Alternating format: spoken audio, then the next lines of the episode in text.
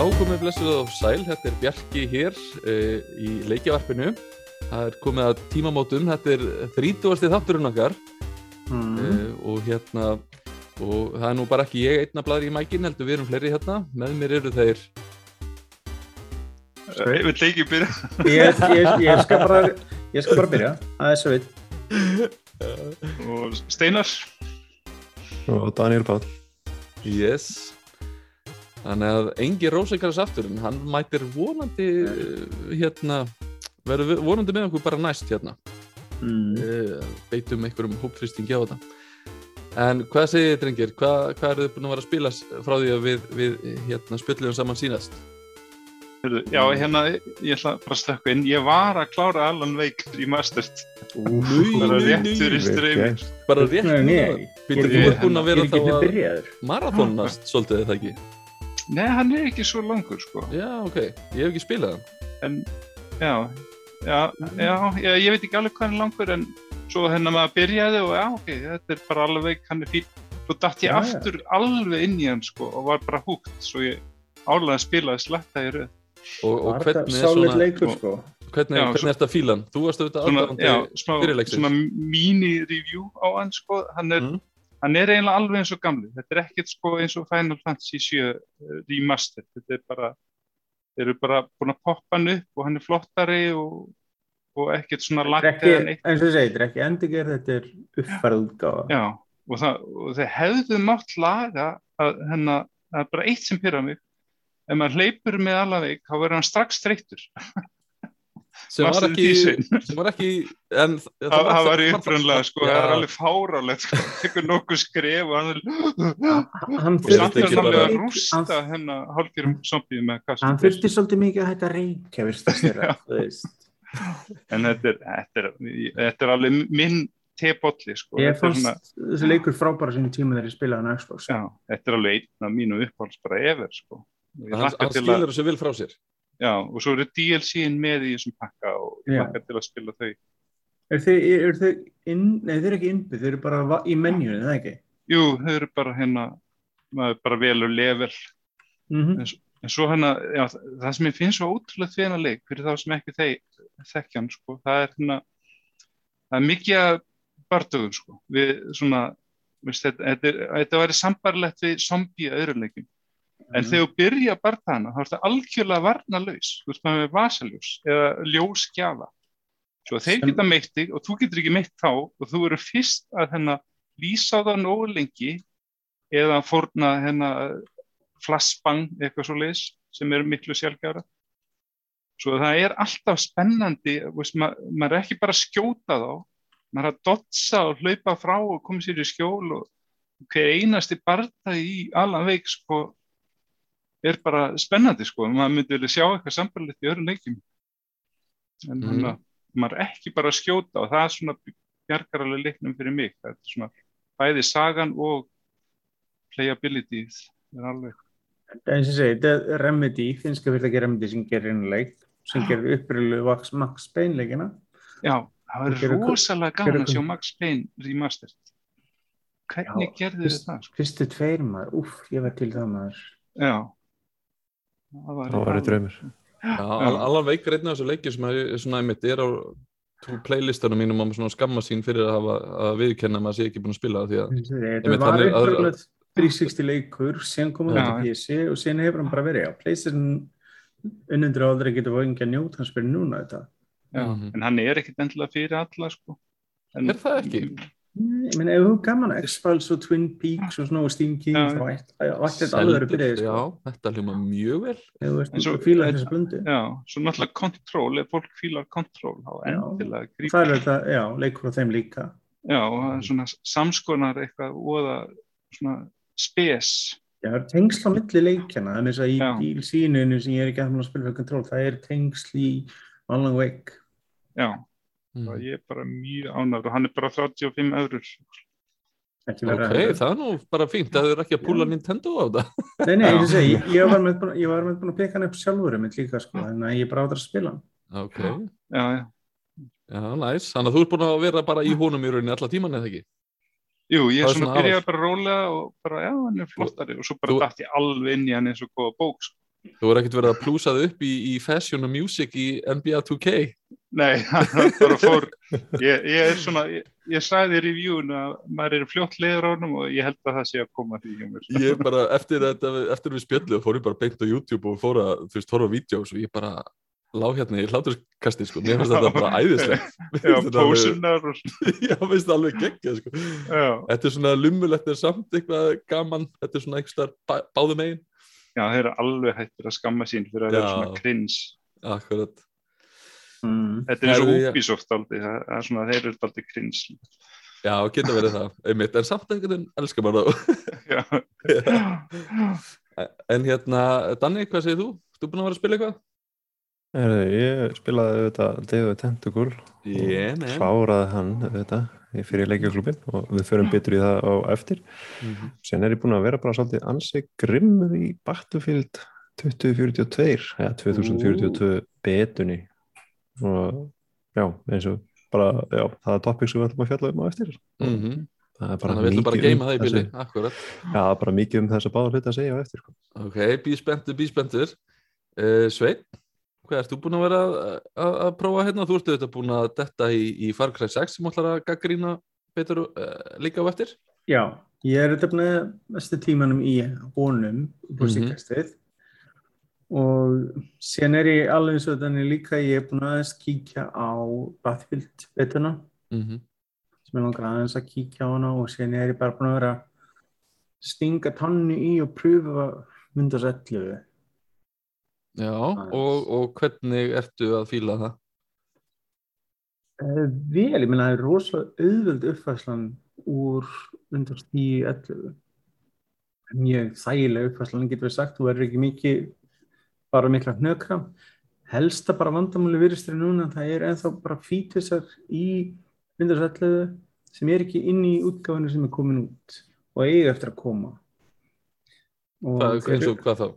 Uh, direct storage heitir þetta, þetta er bara hvernig halvan vinnur með þessi statisticsnum, þetta er svona sépað eins og er uppbyggt á pleysunum 5, hvernig þeir nota okkur tækni til þess að upp á streymið á milli drifsins og leik, leikjana Mm. og allt svo leiðis það er einhver svona tækni sem þeir eru með sem DirectX 12 og fleiri hlutir Akkur finnst mér eins og þú veist það var alltaf verið að hérna, tala um Windows 10 og það var, nú er þetta seinasta Windowsi það, það var það sem þið sögðu að ára sérstakt- setna eða eitthvað, eða hvað er liðið mörgum, fimm ár? Nei, ég Já, veit það Já, örugglega fimm. Já. En já, þetta er er Ég meina þau töluðu um þetta að, að þetta er bara þannig að þetta er bara byggt ofan á og ég meina mörgur lítið getur við sagt að 11 sé bara ákveð skinn en bara vandamálið er að það vandar ákveðna hluti en að þú tæknilega sé einstallar útgáfinni og þá virki ekki allir hluti sem þeir eru ekki enda orðin live Mm. sko. Þannig að maður Svona- býða aðeins með þetta. sko, ég myndi segja svona að fólk er sko, flestir munu fá fría uppfæslu úr 10 í 11 svo það er ekki eins og þessi þurfa mikið, hafa mikið fyrir þessu allar tölur sem kom út núna eftir ekki langa tíma munu þetta verða með 11 nema fólk takir fram annað eða tölverslunir gefur fólki valkost býst ég við Er en, hérna, tókst eitthvað eftir því hvort þetta sé, uh, hérna, stýrikjörðu sé plássfrækt?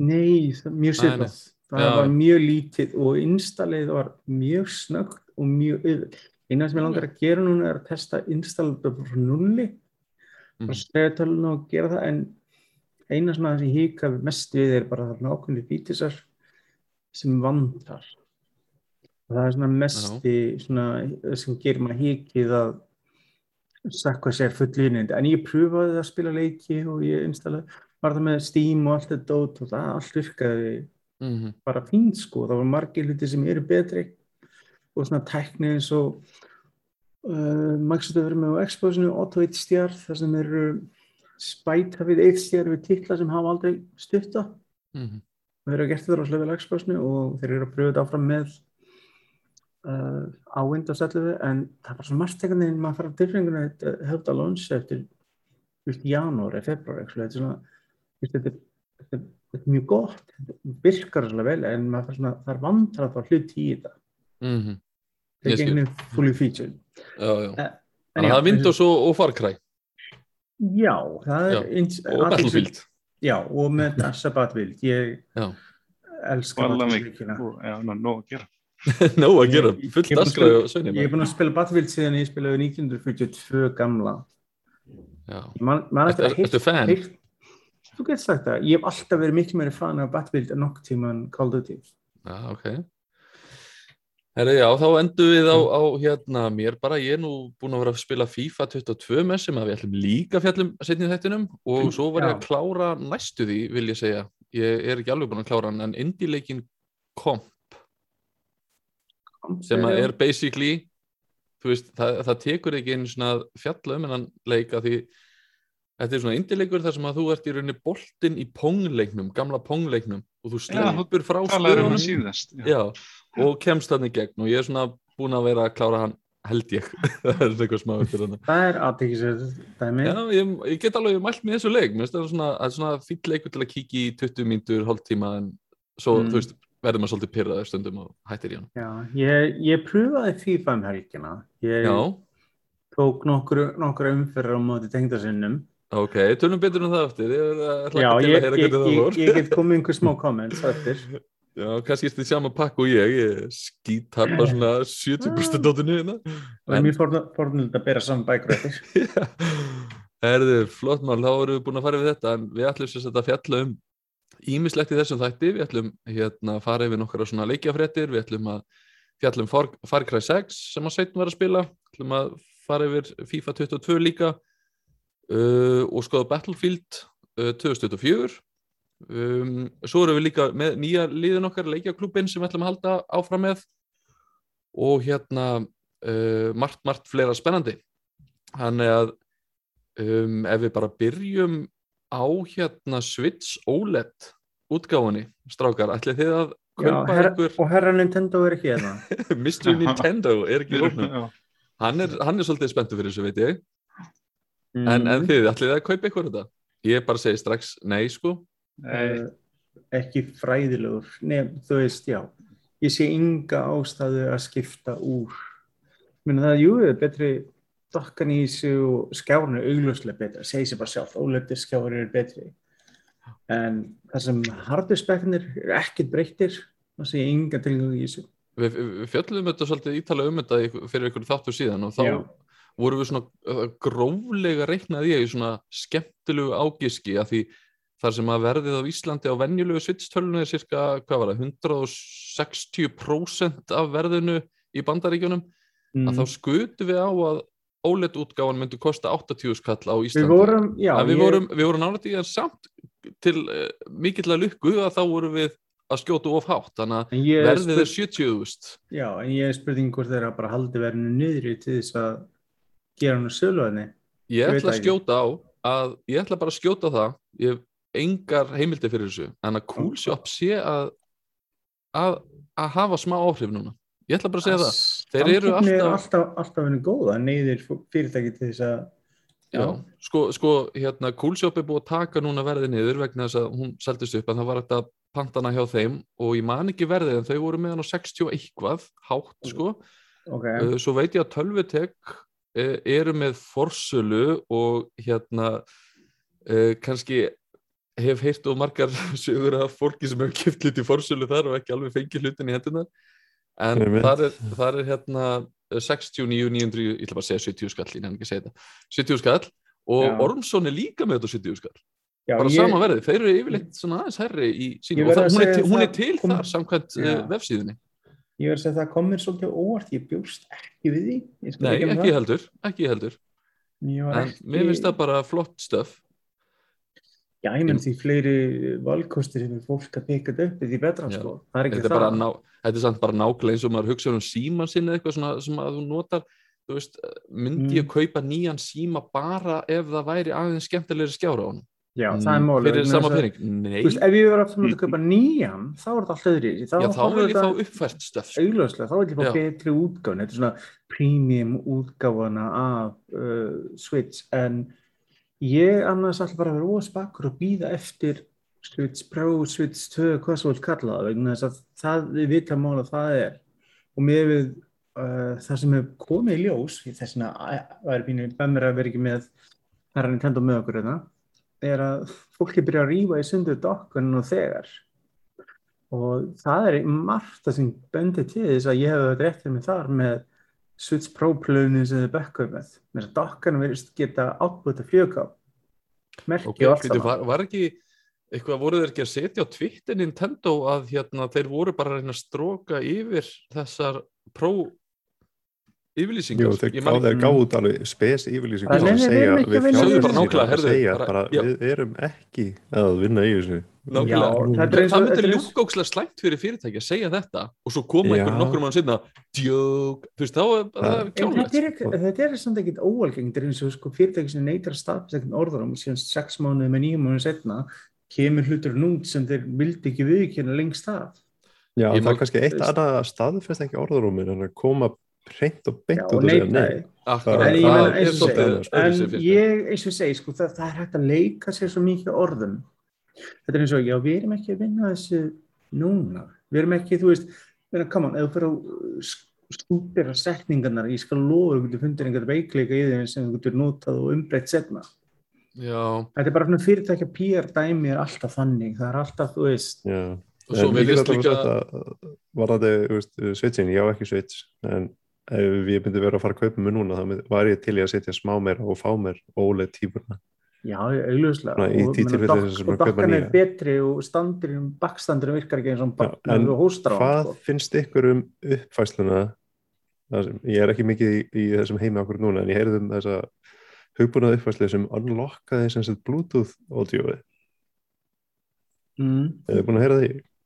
Mm, Ég Já, vissi að það er sem sagt er sem sagt uh, búið að vera allan tíman og bluetooth audio í switchinum Það er þetta grínast, þú hefur bara með slögt á þessi í einhverju firmware eða? Yep. Ok, það eru sem sagt að vinna í Switch Pro. Það er bara þannig, með við þetta move með þetta douchebag move hérna Herðu, nú við að raunum við Nintendo Þetta þetta er bara, Daniel verður bara að mæta þetta í næsta þætti og verja. er Brynju og sverðu allt bara sko. Já, hann og Þetta er bara- Þetta er, er ljók Þetta er eins og þegar Street Fighter leikurinn kom ekkert út hérna. Ég Mhm. man ekki á hvað tölvu þrjú- Xbox 360 eða PlayStation 4 eða eitthvað að þá, þú veist, voruðu með einn eða tvo eða þrjá auka karaktera á disknum Jep, sem að var seldur sem DLC þú veist, þetta Jep. er svona move sko. Mm, Já, þetta þetta er bara- þetta segi, það er, það er bara máli, ég treysti ekki fyrir fimmering að þeir séu ekki að vinna að einhverju og þó þeir hafa bakka með það, þá geta þeir sagt já, þú veist, þeir geta vel verið að þeir hefur sjálfað pródæmið Mm. og eru síðan bara að vinna og færa þessa plön yfir í tvö það getur vel verið og þá geta þeir sagt með samvinsku, já við erum ekki að vinna Switch Pro en, en þess að það segir ekki segir en við erum taklega að vinna 2 já, þess að já. Pro morfaðist yfir, hver oft við verkefni breyst í eitthvað annað? Vi, við opnum bara fyrir veðbanka þeir sem að halda að hérna, Switch Pro komi út hvinnar jólinn 2022 eða eitthvað? Eða Switch 2 verið kynnt á næsta ári og já, það, hver veit, hver veit sko. Eru Já, ein það var- spurning, þannig að nú er ég ekki mikið í Nintendo, en eru þeir með eitthvað eins og hennar PlayStation Plus, eitthvað svona leikur á mánuði dæmi eða, nei, eða, sérst, já, eða og, PlayStation já, Now eða, já og nei þeir eru með Game. Service sem þeir eru með PlayStation Nintendo Online dótið og innifæli því aðgangur af Nintendo eh, NES og SNES leikjum. Og þau voru tilkynnaði með um daginn að það muni bætast við uh, Nintendo 64 og 64 leikir og þá mun verðið reyndar hækka. Það tók ekki fram hvað mikið en það mun hækka. Já, þá verður þetta svona auka áskrift. Mm Er þetta eitthvað Svona- sambarlegt núna og hjá PlayStation? Enga veginn, enga veginn. Þetta er bara ótrúlega basic. En að Já, þetta eru, þetta eru þessu hundgamli leikir. Þetta eru, veist, með PlayStation Plus þá er maður actually stundum að sækja leikin og spila þá en með þetta þú veist, maður, maður kveikir á þessum gömlu leikin til að fá smá nostalgíu smá stund Já, en já, þetta er aldrei svona leikir sem að þú ert eitthvað, yes, loksins get ég spila þennan. því þetta eru þú veist ekki bara 20 ára gamla leikir eða 30 ára gamla leikir. Já, þú ert ekki verið að borga sérstaklega fyrir þetta en það sem þú getur bútað Nintendo, þú getur gert meira uh, saman hluti með NES Classic og það kostar þér bara einu sinni, einhvern x mikið pening Mm. eða emulator eða gömul talva, þú getur 16 mismundi leiði til að gera sama hlutin en að ég hef aldrei þessi tilgang að borga fyrir þetta, jafnvel þó að þeir setji uh, netdæmið á bakveð þetta Nei, nei. En heyrðu, við skulum bara kveðja Switch OLED í billi og, og hérna leifa Nintendo þið? manninum okkar hann mæti með varnar ræðu ger ég ráð fyrir hérna þannig að við gefum honum þú veist, 20 mínútur bara hérna, óhreyðrar þar sem maður getur Já, var Nintendo heiminn En hérna, ég er svolítið spenntið fyrir næsta lið sem er Battlefield 2042 og Danni og Ok. Sveit, þið eru búin að vera að spila uh, Mm. betuna, eða ekki? Jú, Jú, ég er búin að vera að taka þó nokkuð að leikja mjög um að þetta er, uh, hvað maður að segja, þetta er, þetta er rosalega óhefluð. Þetta er, er mikið á skrýtnum hlutum í gangi, en Mm. ég þrátt fyrir það, góðum eða skrýtnum slæmum? eh, margir skrýtnir slæmi hlutir, en samt sem áður þá var ég alltaf bara, herri, ég ætla að taka eitt rándi viðbót. Af því að mm. ég, svona undir öllum göllunum og öllum skrýtnum villurum sem ég var að lendi, í, þá var þetta bara mjög gaman. Mappið fárlega stórt, en oft galli við að maður sá bara í mapp hönnuninni að þetta var bara stórt til þess að vera stórt. Það var svona, Mm. herrið, ok, við erum með hérna götu, við skulum bara lengina hundrafalt, bara til þess að vera stórt. og, og, en aftur á móti eru 64 á móti 64 í mappinu, semst 128 spilarar. Það það er það sem ég er að fíla mitt. Er Það það er ekki geggjað. geggjað? Er þetta ekki bara Það er geggjað. við Ultimate það- Chaos eða? með kæðis, en, en mappið er svo stórt objektiv já. eru út um allt þannig að þetta er svolítið svona vel dreift en þegar svona margir taka sér saman og fara á ákvæmna staði þá er bara geggja kæjus, geggja gaman allt í Þú rugli. ímyndar að spila síðan ja, þennan fjölda en að smerra korti og horfa bara hvaða sem koma, þú veist, fyrir hotnið allt í því. Það verður eitthvað sem nær alvöru stríði bara einhverju. Já, þessi, þetta þetta er algjört rugla nýju víukulun eru frábær mikið af þessu mjög cool bara svona hvernig setup er ég verður samt að segja, ég sakna flugbrautana í gamlu það sem Mm. hvernig þetta virkar með svona víukulun er að þú semst spánar í víukulunu beint þegar það er available eða semst eitthvað Mm. já, víukul til taks getur valið á kortinu, já. Já, það mitt, en þú veist, það er ekki bara svona flugbreyt sem þú byrjar á og dundra þaðan eða Það er þyrlan svo á hlaup- skriðdrekanum hlaupa á þar. 1942 þegar maður allir voru hlaupa eftir flugvillinni og reyna að ná henni og koma svo stað og einhver var svo full við út að náður henni undan og skauti Sko- niður. Eina sem ég hef verið að sjá á hérna, samfélagsmeilum, þú veist maður er að hérna, skróla í gegnum eitthvað, það er þessi hérna, kvirvirbilur eða hvað þetta er hérna. Já, Typhoon Allir að hoppa í er- hann bara eitthvað svo brjálaði. Það er það er mjög fyndið Það er það Já, það gerist svona það er bara svona tí, já svona hvað maður að segja það er eitthvað svona ákveðin líkur að það gerist og hann Já, þetta er svona þetta Levolution sem þið voru byrjað á með eða ekki? jú, ég held að það byrja Jú, eitthvað svona Jú, svona við kallum þetta það, Levolution eitthvað, svona, já, þetta er bygging í Já. hrundi mest í fjögur til dæmis og eitthvað leis. en þetta var frekar cool þegar það kom uh, kvörubilurinn og sérstaklega því að þetta er beta og allir uppgötu að fyrst skipti þá fóru þannig 128 playerar allir bara allir í í- sko. Bara í loftinu, skjótandi eitthvað. allir í loftinu að skjóta þetta og maður þeitist út um allt og, en þá kemur aftur svona að þetta er algjör beta þannig að interfacing eða heads-up display það er mjög rátt ekkert frábælega vel Mhm. gert og í þessum tornado það er bara svona blikkandi svona raukt það geði þetta óþægilegt og það var svona, manni leiði ekkert eitthvað já, bara, þetta, þetta var voðalega óhefla en Já. samt sem er eins og ég segi, þetta er ótrúlega skemmtilegt rosalega mörg móment það sem maður er að er í einhverjum bardaða, byssubardaða og maður bara skilur ekki alveg okkur maður tapaði en Mm. aftur, það er bara bita og developerar voru búin að konfirma að þetta nokkra mánuða gamalt bild Já, það er Þannig að að að testa af- netkóðun og álagspunktana og serverunum oftast. mitt, þannig, að- þannig að maður svona innstýni sér vonar að það sé búið að gera við mikið af þessu helstu bögum Mm. og svona core game loopan sem er náttúrulega erfiðast að laga frekar en eitthvað svona visual bugga hún var mjög góð sko, bara core game loopan en eina sem ég fílaði ekki svona stæðst painpunkturinn var sem sagt, í staðan fyrir svona klassakerfi það eru eitthvað svona specialistar núna mm. og það eru sömu specialistar báðum megin og ok. útlitið á þeim er nánast alveg eins þótt þessi rúsla, rú, veist, Rússar sami og bandaríkjum og það er svo erfitt að sjá mununa Já, ég skil það, koma. mér fannst það alveg mjög slæmi punktur Setja bara rússana í raukt og þá er þetta fínt. Og Smá hinn er stereotypur á þetta bara. Raukt og, nei, raukt og Já, Það já. er klassik, nákvæmlega. Það virkar Klassik. alltaf. Það er, þú veist. Þetta, lúka vel. Þetta lúka vel, ég ætla samt ekki að pre-ordera hann ég ætla að býða eftir hann koma út býða í svona 2-3 daga, sjá hvað fólk er að segja svo að endi ekki svona eins og Battlefield 4 sem var hvað, heilt ára laga eða eitthvað Mhm. Ég, Þannig ég, en ég, þetta er allan að ég mælu með að hafa stór ég, auga að fylgjast með þessum sko. ég er Mhm. hæfilega bjarsinn og ég er sérstaklega forðun fyrir Battlefield Portal það er svo hlutir sem ég finnst mjög svona mest spennandi Hvað sagður, portlótinu? Portal, Battlefield Portal það sem sínt í trailernum þannig að þú veist þú gast mixað úr eldri leikjum Mm. þú gast ekki karakterar með vopn úr setja heimstöldinni blanda það saman við karakterar úr Bad Company eða 20, nýja 2044 og bara vehicles alls konar bull reglur sem gast búið til Mhm. og síðan geta spila einhverja playlisti sem aðri búið til og vera vinsælur ég, þetta er gaman, þú veist, að sjá þetta menn sem bara spurning hvað, hvað mikið endingar í þessu maður er líka forðinu sjá, þetta er fyrstileikurinn í skald tíma hjá þeim sem er multiplayer only og það er ekki að díla við single player en eitt svolítið þannig að fókusin ætti algjörlega að vera multiplayer Mm.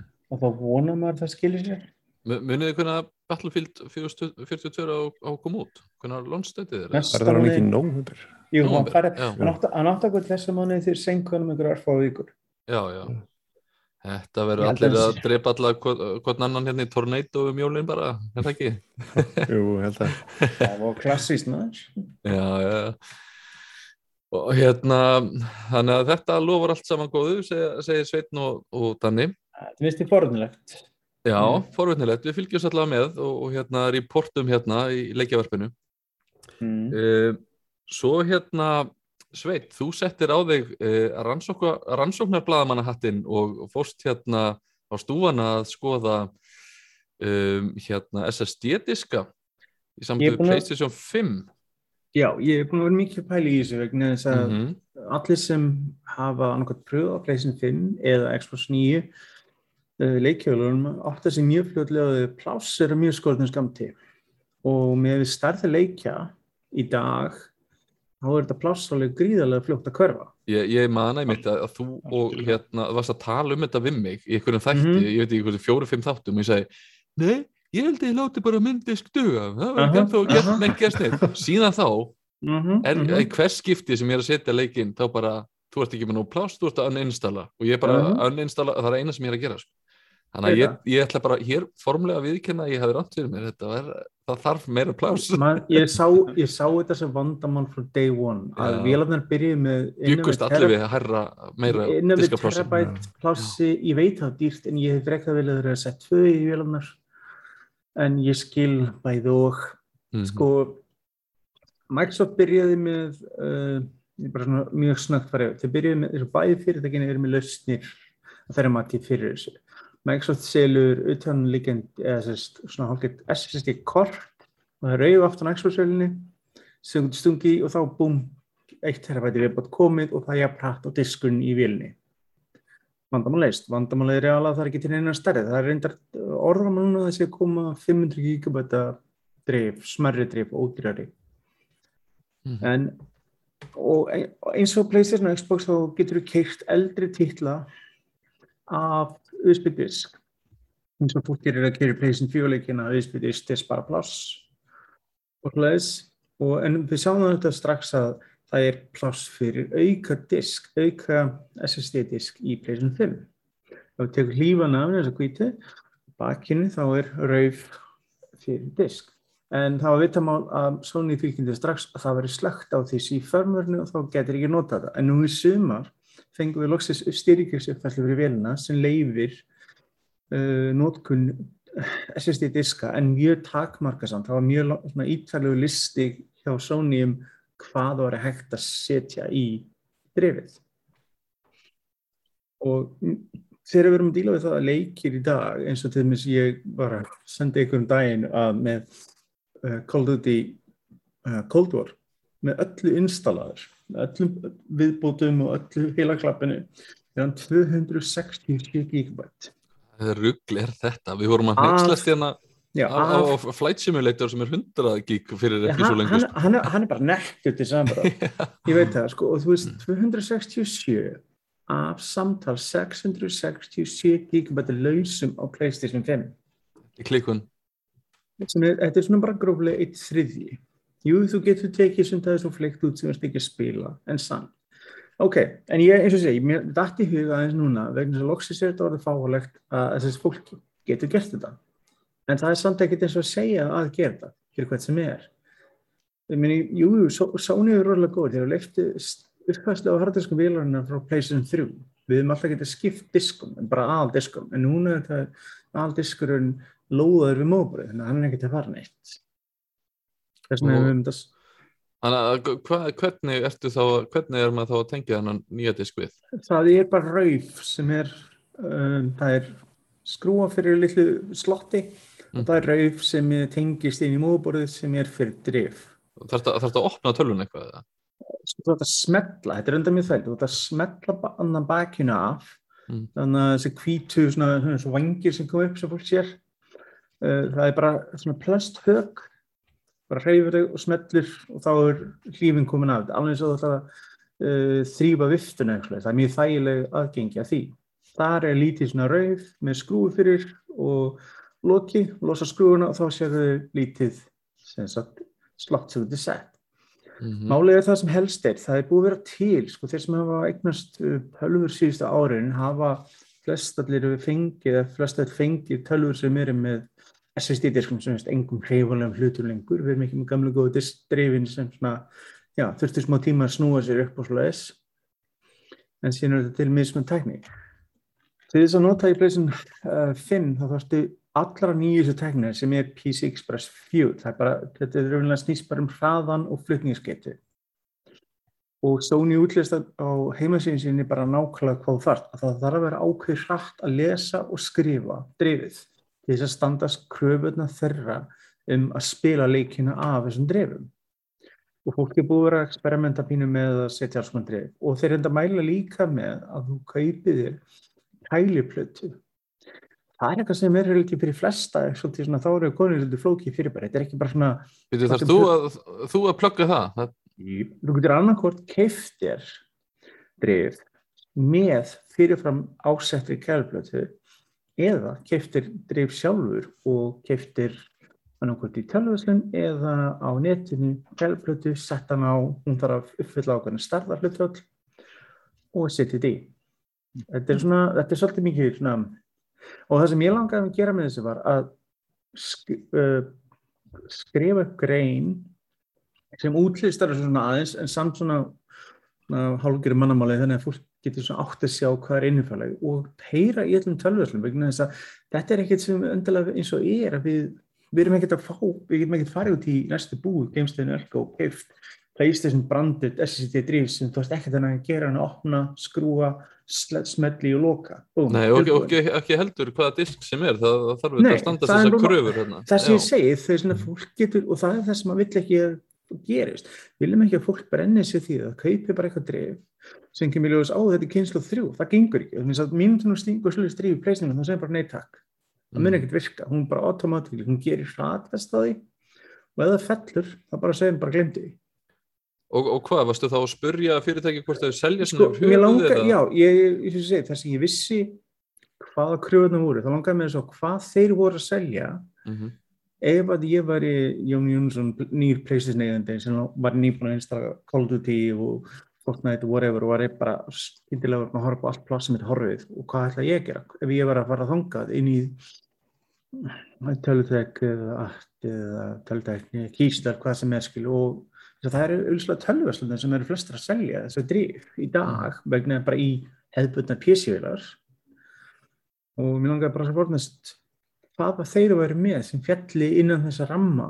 Og ef að fólk var að leita til þeirra hva, Mm. hvað gæti þér gert fyrir það myndur, væru við með bara drifin við erum upp á kæflötur við erum upp á einhverja aðstáð þú veist, það er ekkert allir sem til að rífa Er það að, að, að, að fá- fá pleysjum 5 tölunum í hendunar þá að opna og setja í? já, eða? já, já þess að ok, ok. Voru meina, sem er til í það eða? það var eina af þeim, já, eins og ég segi sem, og ég meina, það er bara góð, auðvitað góð þjónustæð þegar fyrirtæki tilbúið, ég meina, segir sjálft ef þú verður að fara, fara að kaupa drifjaðin fyrir vanan tæknumann er þetta andað að gert, sko Mm að smetla drifi í vélina, sko þannig er engar sem þetta því, sko Það er kannski ég- svona bara hræðslan við að að gera Þetta- eitthvað óvart við tölvun Já, en ég meina hann er aldrei snertarafnilega, þú veist, Nei, nei. neitt af vélinni sjálfur, þess að þetta er utan við vélina hálfpartin. Þetta er ekki snerta neitt element af þetta er bara, ég, ég, ég sjálfur sko skítrættu við að opna svona bara mín að reynsla af opna þeim er, er, er þannig að veist að það sé hugsað að þú eigir ekki að opna þér. Þú veist Það hefur svona alltaf verið hingað til þannig, rétt sko, en þetta er þetta líka þessi umræða sem hefur oft verið í sambandi við uh, farsíma bandarækjunum með right to repair, já, já, já, veist, réttur fólks að gera við hlutina, réttur fólks að uppfara hlutina. Ég hef opnað PlayStation 4 vilar, ég hef opnað Xbox vilar, ég hef gert ímislegt. Ma vanalega bara einfallega þetta þetta, saman. þrýfa viftuna og skiptum kælegrið með eitthvað. En ég gerir mér eitthvað fullt grein fyrir, því.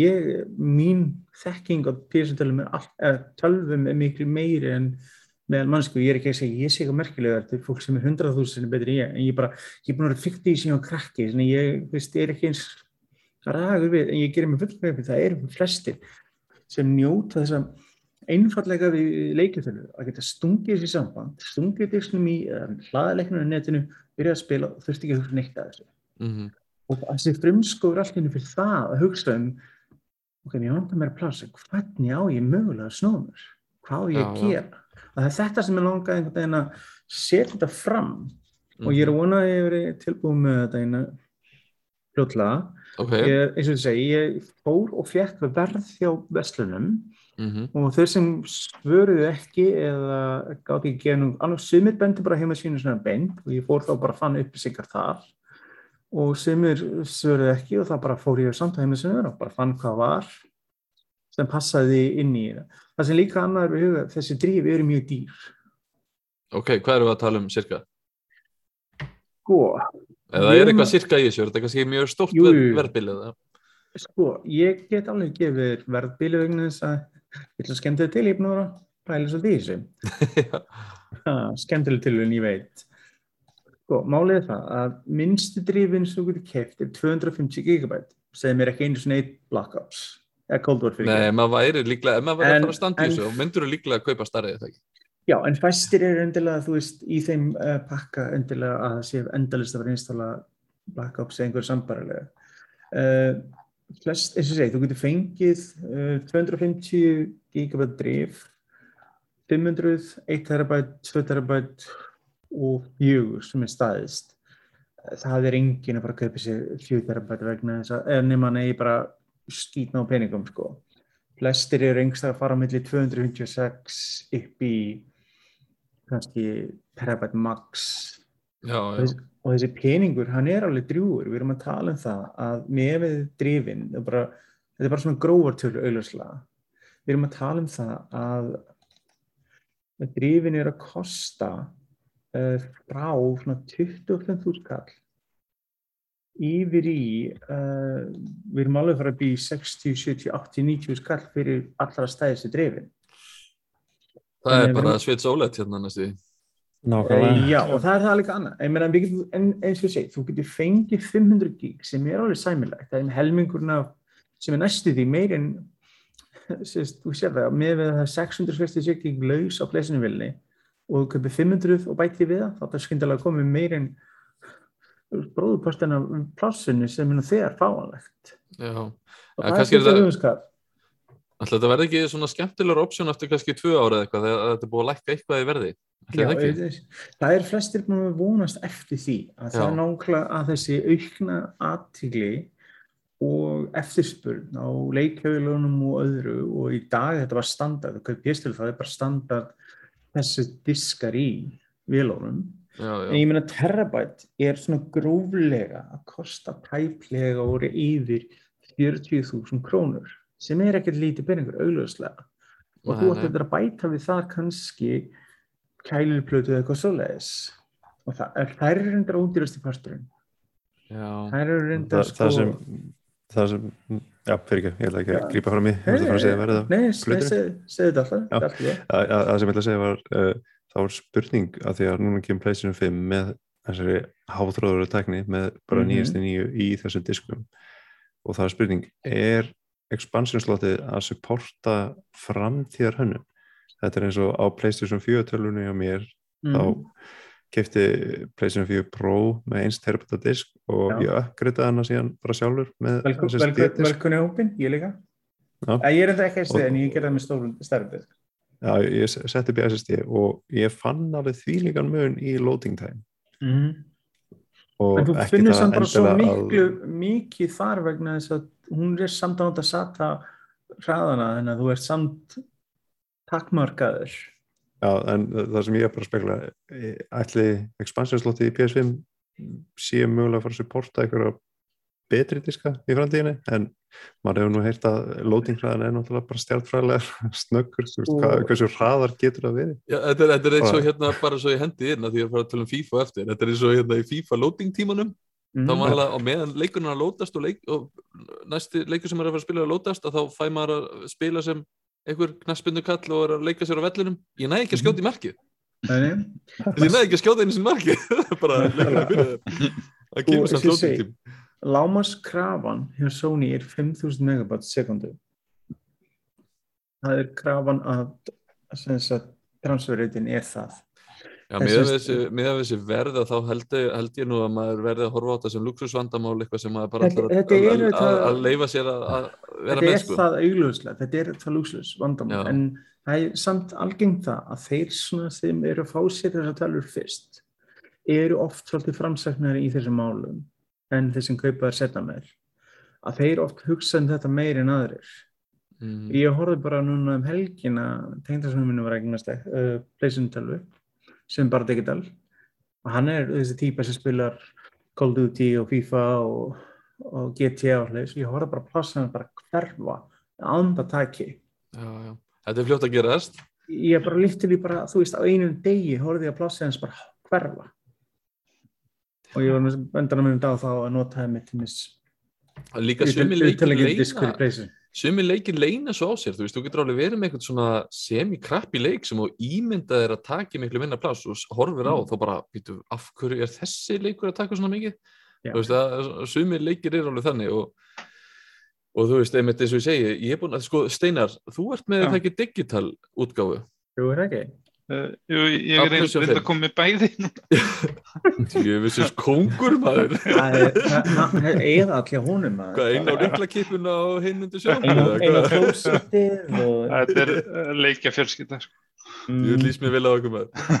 Hva, hvernig hérna finnst þér þetta ganga með digital only vilina, þú veist, plássið og svona, Og, finnst þér þetta alveg já, við erum náttúrulega með gott net og, Já, já, auðvitað hefur maður þurft að eyða nokkru sinnum sko, leikjum og velja og hamna þetta er alltaf pyrrandi en ég var að spá, er þetta ekki alltaf stóru skotleikinir þetta Koldutleikinni, jú, þetta er- þetta er Call of þessu- Duty og, þetta og Battlefield. þessu- þetta þessu Warzone-dót sem gerir það svo þeir eru að bandla Já. svo margar hluti saman og það er það sem gerir það svo óþálega stórt. Já, þetta er svona undatekning fyrir ekkar en eitthvað Já, já, ég meina flest allir leikir sko meðal PlayStation 5 leikur í dag er kannski 60-70 gigaplays Mm. Svo að, en það er eitt sem er allir líka að þjöppunin eða kompressjoni á leikjum er betra á PlayStation 4 en 5 þú ber saman eh, þú veist, við flest all, við þeir sem eigum PlayStation 4 og 5 við eigum stundum sömu útgáfan leiknum. Og það er búið að vera svona uppfæslu dæmi í bóði ég var til þess að skoða um, Cry 6 hann er stærri á PlayStation 4 en PlayStation 5 já, og Ghost of Tsushima er heldur nákvæmlega eins það eru leikir sem er stærri á PlayStation 4 en 5 mi- minn stærsti það er hérna 2K22 og hann er 126 gigabæt Það er ekki Mhm. 26 gigabit bara auðlýsingar eða? já, Já, er langt. og 16 gig í dansatriði og tónlist í Já, en eins og ég segi, þú veist þetta en þegar ég segi, Sony auðvitað gerir sér grein fyrir þess að þeir eru búin að betrum bæta og líka miklu meira minni í þessum vélum leifir auðvöldara streaming og þar alveg geta Já. þjappa betur. En þetta er samt já. Já, við, við, við bara hvetjum hlustendur til að tjekka á síðun okkar það sem að Sveitn ætla bara um að byrta Já, en eins og segi, þetta er svona og síðan eins og segi, þú veist að eins og segi, ég verður vonast að þessi tilbúið fljóðlega og það máli gera ráð fyrir ekki þessi jól kannski, næsti jól þá munum við sjá PlayStation vél sem verður pottet með öðrum harðis möguleika, semst, eða þá verður eins og bara alltaf gerst, það kom PlayStation 4 með 500 gig, sem kom terabyte, sem kom 2 terabyte, segir sjálft að það mun gerast sama með þessa, en við erum ennþá í þessum silikon skorti út af COVID og öðru að það er rosalega erfitt að fá allt saman svo ég held að ég sé ekki að flýta sér endilega að stakka þetta strax. Nei, þetta en það mun voðalega gerast, segir sér sjálf sko. þegar maður var að telja niður mánuðinu og allt þetta eftir Playstation þó þau voru mjög seinir að tilkynna allt saman að þá hérna var þetta ekki alveg svo vegferð sem maður ímyndaði sér einhvern veginn að Playstation 5 myndi svona byrja? Það er að segja hvernig þetta COVID dæmi hefur einhvern veginn rugglað í öllu og Já, áhrif á allt saman, sérstaklega líka hvernig PlayStation stýring er uppi ég meina diskunum það er 825 af því hefur átt- eh, 667 er rosalega bara svo að þú sést líka 666 örgulega en þú veist, og meðan Expressið er með terabyte og þeir hafa eitthvað 800x mikið eitthvað þannig að hann er aðeins stærri en þeir hafa valið einhvern annan disk auðlöslega sér. Já, já, já, sem er, þetta er eins og SSD diskunni byrja að koma þá voru uh, 120 og 480 er svona skamna stærðir. Mhm, í staðin fyrir 500 og þú veist Svo er að- eitt þannig já, Já, svo er eitt sem hennar PlayStation 5 gerir sem, veist, sem bætir á þetta plossvissin. Það er hversi sem að fæði trófi þá vist það er lítið vídeo og mynd. Já. Þú ert að muna þú ert að muna að slakka Ég er búin að, leið, já, ég er búin að taka það það er mjög- svo pointless. En ætli hugsunin sé ekki svo að þú sért að posta þessu á samfélagsmiðla? Jú, það var Já. samt bara næs ef þeir var með eitthvað cloud server sem myndi bara taka við þessum beint í staðin fyrir þetta sangaðist inn á ég- Microsoft, með OneDrive sem getur sett þetta allt saman inn á og þannig að þetta er bara the cloud sko fyrir því frekar Ég- þægilega. Ég er nefnilega þessi gaur sem að þú veist, einmitt, sækir leikina og ég veit að það vistast vídeo að hver skipt sem ég fæ byggar en ég ger ekkert í því fyrir en þú veist, tölva mín segir, nú ertu búið með allt plássið þitt. Ég, ég fyrir að sópa regla til, þetta er bara eins og ég gerir kyrstölu mín, ég fyrir bara að take temp files og Já. alls konar uh, óklara skrár og þú veist, bara le- leita regla í tölunum minni af einhverjum tvöföldum skrám og einhverju og bara vil fá hvert einasta pla Það er miklu sniður að sko. En að En- safna þessu svona upp held ég. En hérna, já, bara Já. þið fylgjast með á, á síðunni, þetta verður örgulega mjög áhugavert og, og, Já, hérna, fræðandi grein. Public service. svona, Já, nákvæmlega. Já, nákvæmlega. Og verður líka ég- ég- áhugavert að heyra hvaða fyrirtæki er að bjóða upp á, ég veit ekki hvort þú viljið uppljóstraði hér, eða hvort þú viljið geima það greina. það, Geima en smá, geima smá, já. Ég segi það, en já. Far Cry 6 Það er já, hendum okkur í. Far Cry 6, þú ert búin að vera að spila hann og bara Ég vorum að byrta gaggrínina þína bara fyrir örf bara- og klukkutímum. Já, hún passlega bara hoppaði að netið fyrir stuttu síðan. Mm og við hittum upp fyrir hennar með smá streymi á Twitch-strásin okkar fyrir helgina. Þá meðan reynda Twitch var að stríða okkur pínum svo þetta var í pínum þetta var pínum svo míniserja Veist, veistu hvort þetta var, það var alltaf, það var svo slöknast þetta var Twitch, eitthvað, þetta er eitthvað samblenda millir Twitch og Playstation-vilnar sem Já. bara slöknaði, ég ætla alltaf að starta streyminu aftur Já, já, já. það gerir mig gráharðan en það hafðist en já, ég er búin, er að spila Far Cry og ég hef spilað alla Far Cry leikina sem hafa komið út Já, okay, ekki, ekki Wii leikin, fyrir ekki, ég er ljúa ég hef ekki spilað Far Cry Instinct eitthvað Ég held að Far- þér sé fyrirgefið með það. Já, og það er kannski einhver, einhver fast símaport en já, ég er búin að vera heitlaður af þessu síðan ég man eftir að spila fyrsta Far Cry leikin og lappaði út og bara var uppfallina grafíkir einhvern veginn. Mm Ok, Og- þannig að þú ert alveg sérfræðingur í þessu bara. Og hva- hvernig er nummer 6 að leggjast í þig? sko ég hann að ég átti á hverju vandamáli 5 ég, ég held að einhvern veginn ég hef súrna á 5 fyrir leið á meiri tíman einhvern veginn en þegar ég spilaði fyrst einhvern veginn ég held að líka DLC fyrir hann hafi ekki hjálpað til þannig að New Dawn sem gáð til fullan leik einhvern veginn í staðin fyrir bara aukabakka. Mm en já, sko ég var vonast að þeir faru sko ég er búin að vera vonast eftir og ég hef sagt þetta ofta en einu sem ég hef skrifað um þessu leiki, ég er vonast eftir að þeir taki rótaka breytingu á seríinu eins og Ubisoft gerði með þessar skrýtleikina að þeir, þegar þeir tóku og stokkuðu eins upp seríuna með Origins og breyttu hvernig leikinni spiluðust og hlæðist sumur, ég veit að margir sem elskaði ekki en það var ákveðin hlutar sem voru af henni góða fannst mér. Og ég er búin að vera vonast eftir svipuðu mér hefast aldrei misleika sko Ubisoft er búin að vera vandræð með segja, svona óþokkan í leikinu þeirra. Þeir, þeir hittu einhvern veginn perfekt í mark einhvern veginn með í fargrað þrjú með Vaskarættarinn Já, hann er eftirminnilegur. Já, en samt sem fyndið, Vas er bara í helmingnum, ég var um að spila þrjú Já, klassik um daginn, Vas er bara í helmingnum að leiknum, já, ná, bara hann er svo góður sem það er er og, það er besti parturinn, en síðan þegar hann er ekki, þá er leikurinn margvælt veikari fyrir viki, en þeir byrjuðu með einhverja formúlu þar og þeir eru búin að spila alla leikina síðan þá út frá þessari formúlu, já, einhverja turni, ná einhverja stöðvar, gera þetta, þeir eru búin að ákveðin formúlu og þeir eru bara búin að repeat Já. þessari formúlu svolítið mikið.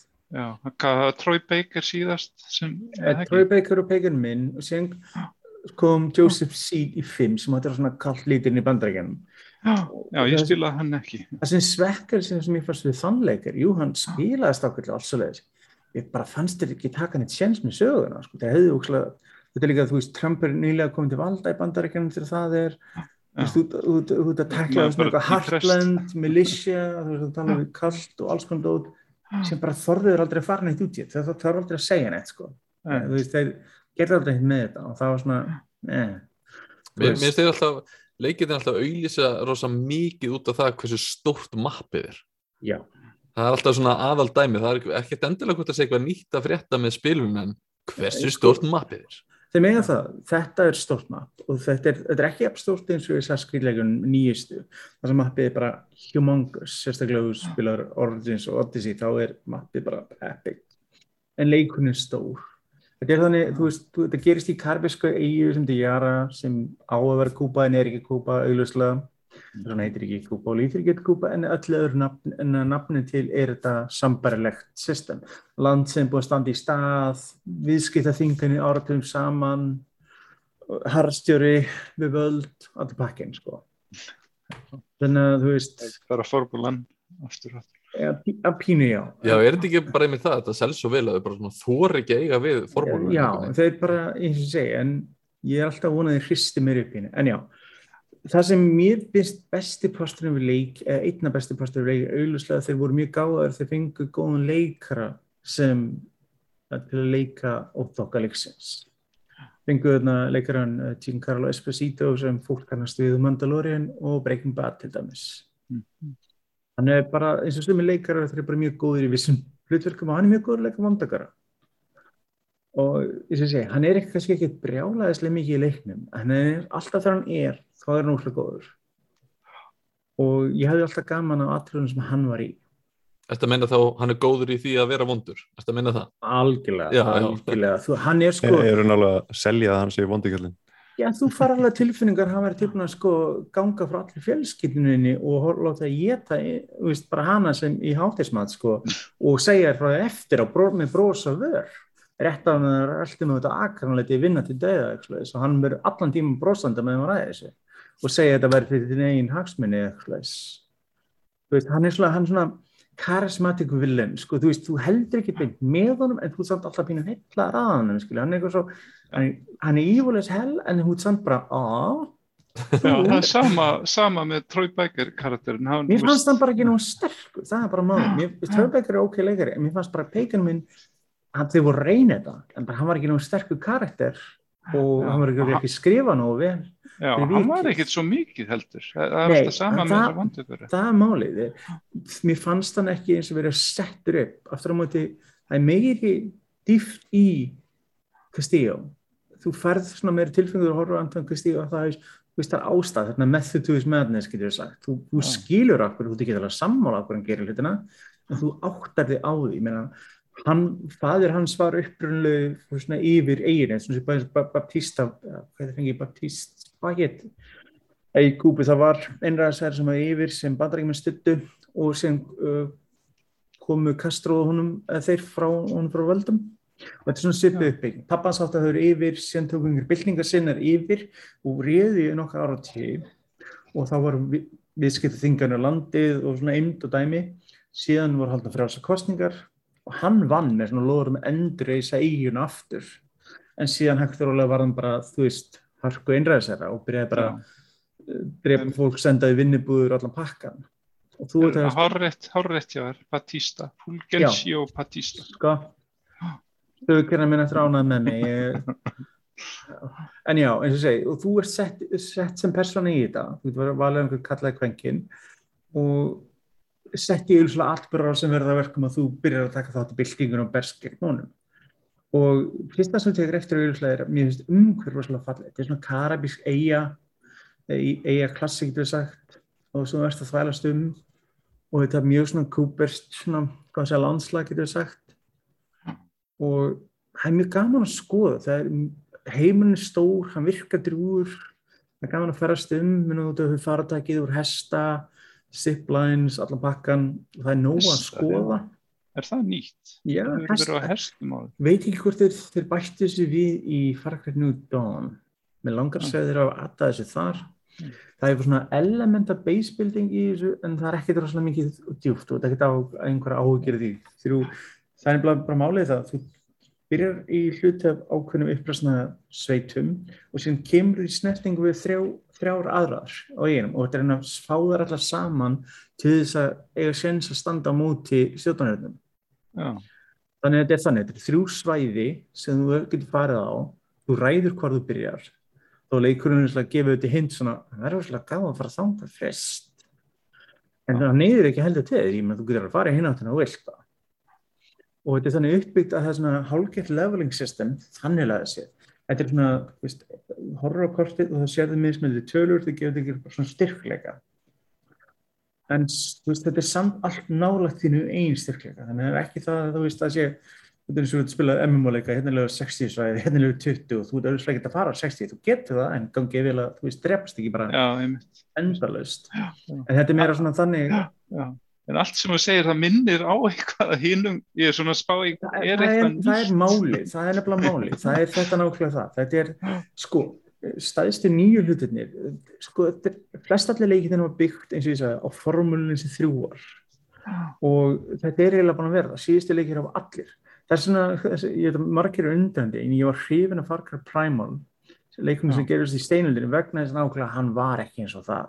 Vegna þess að hann gerist ínum öðru þú varst ekki með þessu hefbundu vopn að nota, þú veist, spjót og svona, þú veist, það var ekki aðeins öðruvísi og ég Já. fílaði það, það var svona Já, veist, aðeins svona smá breyting frá þessu þeir mættu fara eitthvað Assassin's Creed og leiðina og prófa Já, það. veist En er, er, eitthvað, er eitthvað við þennanleik nummer 6 sem er svona Far Cry 6 er betri en flestir aðri Far Cry leikir út af því að eða er, þetta, er hann bara á sama róli og allir aðrir bara Eh, að blanda sér pott Það sem ég myndi segja, jú, hann er betur en hinnir, bæði vegna þess að hann er með heilseftari sögu, þú ert með karakter sem þú leikur sem actually hefur rödd, sem talar, sem er hlut af þessu. Og þú ert ekki eins og flest alltaf hefur í farkaleikjunum, þú hefur alltaf verið einhver utanankomandi sem kemur inn í einhver aðstæður. Almennt, jafnvel í fjögur þó karakterin var ættaður að það samt varst ekkert það, þú bjóst í bandaríkjan, þú varst ekkert að alast upp í landri. Þannig ertu búin að alast upp frá ungum aldrei bara frá fæðingu í þessu landi.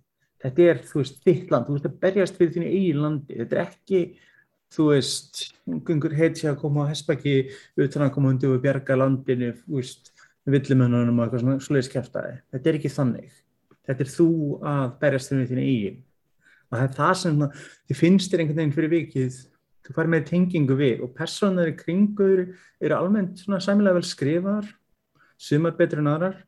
Og hann tæklar alveg svolítið dökk svona mál, það er alveg aðverðin í byrjunni þar sem ég var að við, þú veist, stjótt viðkami fyrir fjöldamannum, sjálfsögum og alls konar öðrum ljótum hlutum þá kannski þarf það að vera meðutar um hvað býði þín og þú sérð alveg eins og við, við búist til svona hryllings einræðisvíkjum þá er margir hrikalega hlutir í gangi.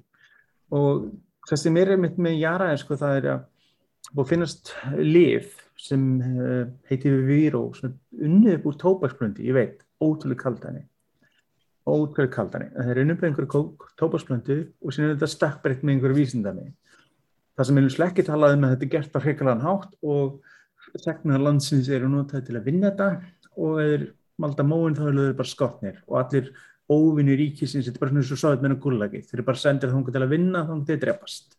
Og þá finna það nýja í staðin og ég har hefði að vera að selja þetta lif út fyrir landstæna og fyrir vikið er vel, velstændir hægt að byrja að koma tilbaka fyrir ákveðin þjóflagsópa en restin er alveg og því að þú kemur inn í þetta já, þá aðeins byrja að spila meira. En nýjustu hlutin og þessi sem ég segja svona aðtilsvöstu eru, eru vopnadæmið? Ubisoft leikir eins og við höfum talað um eigi á stundu til líkast allir hverjum öðrum. Og það er svona pínum búin að vera vandamál hjá þeim hvort það segir uh, Assassins, uh, Far Cry Division, hvað sem er. Og þessi með svona ákveð dæmi þú getur fengið gýr svona fatnaði sem bætir statana en að gegn vissu. Það er kannski gott á móti eitri gott á móti eldi, gott á móti sprengingum gefið mér ammo og eitthvað svona dótri. og vopnir eru svona mixtur af nýjum og gamlum þetta er því að búið viðskiptaþingar eins og þú uppreysnum en það þurft að púsla saman svona hlutunum. En síðan erstu með, sko, besti nýja hlutin er það sem kallast uh, er þessi Solver vopn og Supremo.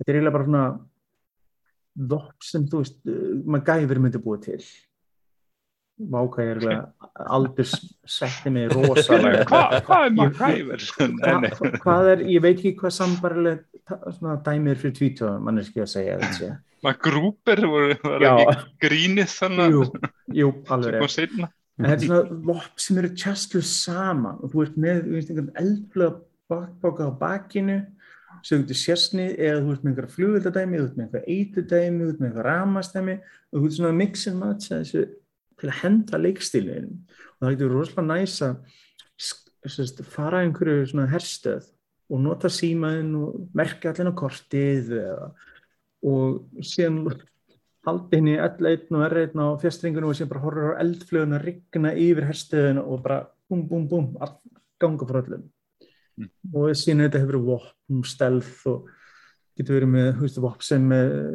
heimatilbúin sæleisir á og síðan þetta erstu með dýr líka. Gæludýr krokodill sem er awesome, hann er guapo. Hann, hann færir annarslægi mannsfætur mjög, er ennþá heilir þeir er ennþá heilir og það ríkur úr þeim og það lekur úr þeim ennþá blóð. Þannig að hann er, er mjög fest. Þú veit með nice. Hanan Chorizo sem er hexuglar, ég menn hann getur unnið styrjöldinu eða hann ætti nokkra aðra vini þá ætti hann getur bara tekið kastíu sjálfur. Og senast með Chorizo sem er eitt sætasti hundri hann er lítill hundur og hann er svona eitthvað hjólastál og með svona, þú veist dót með sér og þú notur hann þetta strakt á henn þeir eru bara eitthvað svona, ó, þú sætur og þú kemur og stingur einhver nýv í kemur nakkan eða með hann sko Krútlegt. Okay, Þetta er svona hljómar eins og mjög skemmtilega en dark comic relief eitthvað svona grín Það er þannig minni, sko, það er ákveð dæmi sko, það sem hefur gert farklæðilegina skemmtilega er ákveð svona gameplay lúpa, þú ferð finnur einhverja stöð allar að laumast inn kemur hljóðs einn óvinni, sér þig, hann kallar óvinna, síðan kemur einhver bíl í gegnum checkpointið sem er fullar hermun og þú allt í nátt að ok, þetta fór stórfenglu og skeið, best að bara nota handspringurna núna, síðan springur allt í læ, tætlur, kveiknar í agrinu, kveiknar í byggingun og þú veist, þú ert allt í nátt oh, wow, þetta og svo öðruvísinu allar með, en á sama tíma þú er svona skemmtilegt vegna þess að þú ætla að falla usla og stundum er bara gaman að valda usla þetta stundum minnir mann á svona að þú spila Just Cause leikina, þetta er bara pínuð þannig sko, þú dettur bara í ákveðin gýr sko. Og það er bara gaman að horfa hluti springa og kannski þetta bara ég Mjög bara, mikið sannleikur til í þessu sko. þetta, er svona, þetta er bara svona stundum svolítið frelsandi sko, það er máli, ég er bara að hafa gaman. Ég, ég var svolítið súr með fimm vegna sem ég fann sagan bara að fara út á sko að vega leið undir lókinn bara svo stórfælið og bara var ekki viti í þessu. Þannig að kannski ég... helst sagan sem að heldur sex svona fyrir ofan sko, þetta er eins og segi, sko, þetta er engin, engin bilding, þú ert ekki að fara út bara oh my god þú ert búin að spila þetta. En þetta er samtust interesting, þú ert að horfa á dynamík á milli Castillo og sonarans sem hann er að ala upp í sín til þess að taka við að sér og strákurinn vill það ekkert endilega svo hann er að þú veist allast uppið að pappa sé bara þú veist repandi fólk vinstri höri og hann er rétt hann um bissu bara 13 ára skjóta það skilju þeir eru bara skítur skilju og hann er ekki alveg viss hvort hann vill vera þú veist þetta er ekki. Nei, það er svona interesting hluti þú veist að díla við karakterar sem hafa lent í eh, einangunabúðum hjá Castillo karakterar sem eru í minnlötu hópum það er svona interesting hluti, þeir kannski kafa ekki nú djúft í þetta fyrir mín að sakja en þeir samt svona aðeins. Og líka bara heimun er skemmtileg þetta er svona opinn skirrhaf segja. Ég er ekki að segja, jú, maður vildi alveg fara til frí að venjulegum kringustæðum en ekki kannski endilega þarna núna Þannig að mér heyrist allavega þessu að þú sért bara svona nokkuð sáttur þó hefði Ég- ég vilja sjá, sjá, sjá Já, meiri já, en, en, nýjunga þú og svona. en það er svona máli, skilju, það er svona oft með hluti sérstaklega maður hefur gaman að maður svona, vill, þú veist, mér langar að sjá, ég var hann, sko, það sem hefur hjálpað farkarleikum, þeir hafi ekki gefið þú eins öft út þau gerði með Saskrit og við svo mjölkaði Saskrit leikina alveg rosalandi lókin Mhm. og þetta var bara að koma út hverju einasta ári eins og Call of Duty Eagles og þetta bara var alveg þreytt, þess vegna vandræði hjá þeim að taka pásu og aðeins upp. það er endur júli lengra á milli þessi Far Cry kom út 2005 kom út 2018 eða 19 eitthvað svoleiðis. þannig að þú veist það er aðeins lengra á milli en samt, þú veist, mér finnst formúlan ekki ja, veist, leikurinn er mjög tæknilega vel hefnaður og keiri mjög vel hvort þú spilast að spila pleysin 4 eða 5, auðvitað betri að gera á 5 og það er mér svona hátíð textir pakki í bóði eða það er ekki að kalla hátíð menn það er þetta er 4K pakki en en hann uh, en það er 20 gigabæta 20-26 gigabæta downloadi viðbútt sem þetta er sótt. Eða á leikin ennþá settari og ef þetta PC beinir algjör til Daniels þá þarf þetta að vera með 12 gigabæta skjákost til þess að keira það Heyrðu, ég las það, hvað er að frétta með það? yes, Já, það nákvæmlega maður að stilast í NASA tölvurnar bara eða. Uh, ég getur sko. þetta fólk að lána því að rýna þetta og na, þannig að þú veist en já en hann er, þeir, hann er svona kannski pínu future-proofaður þar held ég Ok, En- en að þú gefur honum þá tvo þumlu upp eða eitthvað? já og heila Já, ef ég sp spilli minni í gaginni fjóru stundum af þeim mögulegum very nice. það er svona room for improvement ég er bara að hafa mjög gaman á hann og það er að lati og ég er ennþá að spila hann eftir klára, það er alltaf ákveðinu mælikri. Það er nóg að gera en leikurinn er ekki heldur jú það er alls konar kollekta þannig eins og er í öllum þessu leikjum en hann er ekkert að neyða þessu upp. Það er það sem ég finnst ekki að læs. Hann er ekki að hóða þessu upp og jafnvel fyrir það sem hefur gaman að trophy hunting á achievements eða trophies þá er þetta ekki erfiður platinum eða svoleiðis að- Erðu, og- ok, flott, bara gera það ekki fyrir þetta, Sveit, þannig að það er þetta að lesa, lesa hérna gaggrina á Far Cry 6 á heimasíðunni okkar, nerdnorsis.is Mhm. uh, og hérna, þú veist að tala um PC-kröfurna sem voru gerðandi skjákortsins. Mhm. Það myndi mér svolítið á næsta leik sem við ætlum að fjalla um FIFA 22 vegna þess að þau eru með eitthvað þar uh, sem heitir Hypermotion tækni. Hafið þið ta talað um þetta?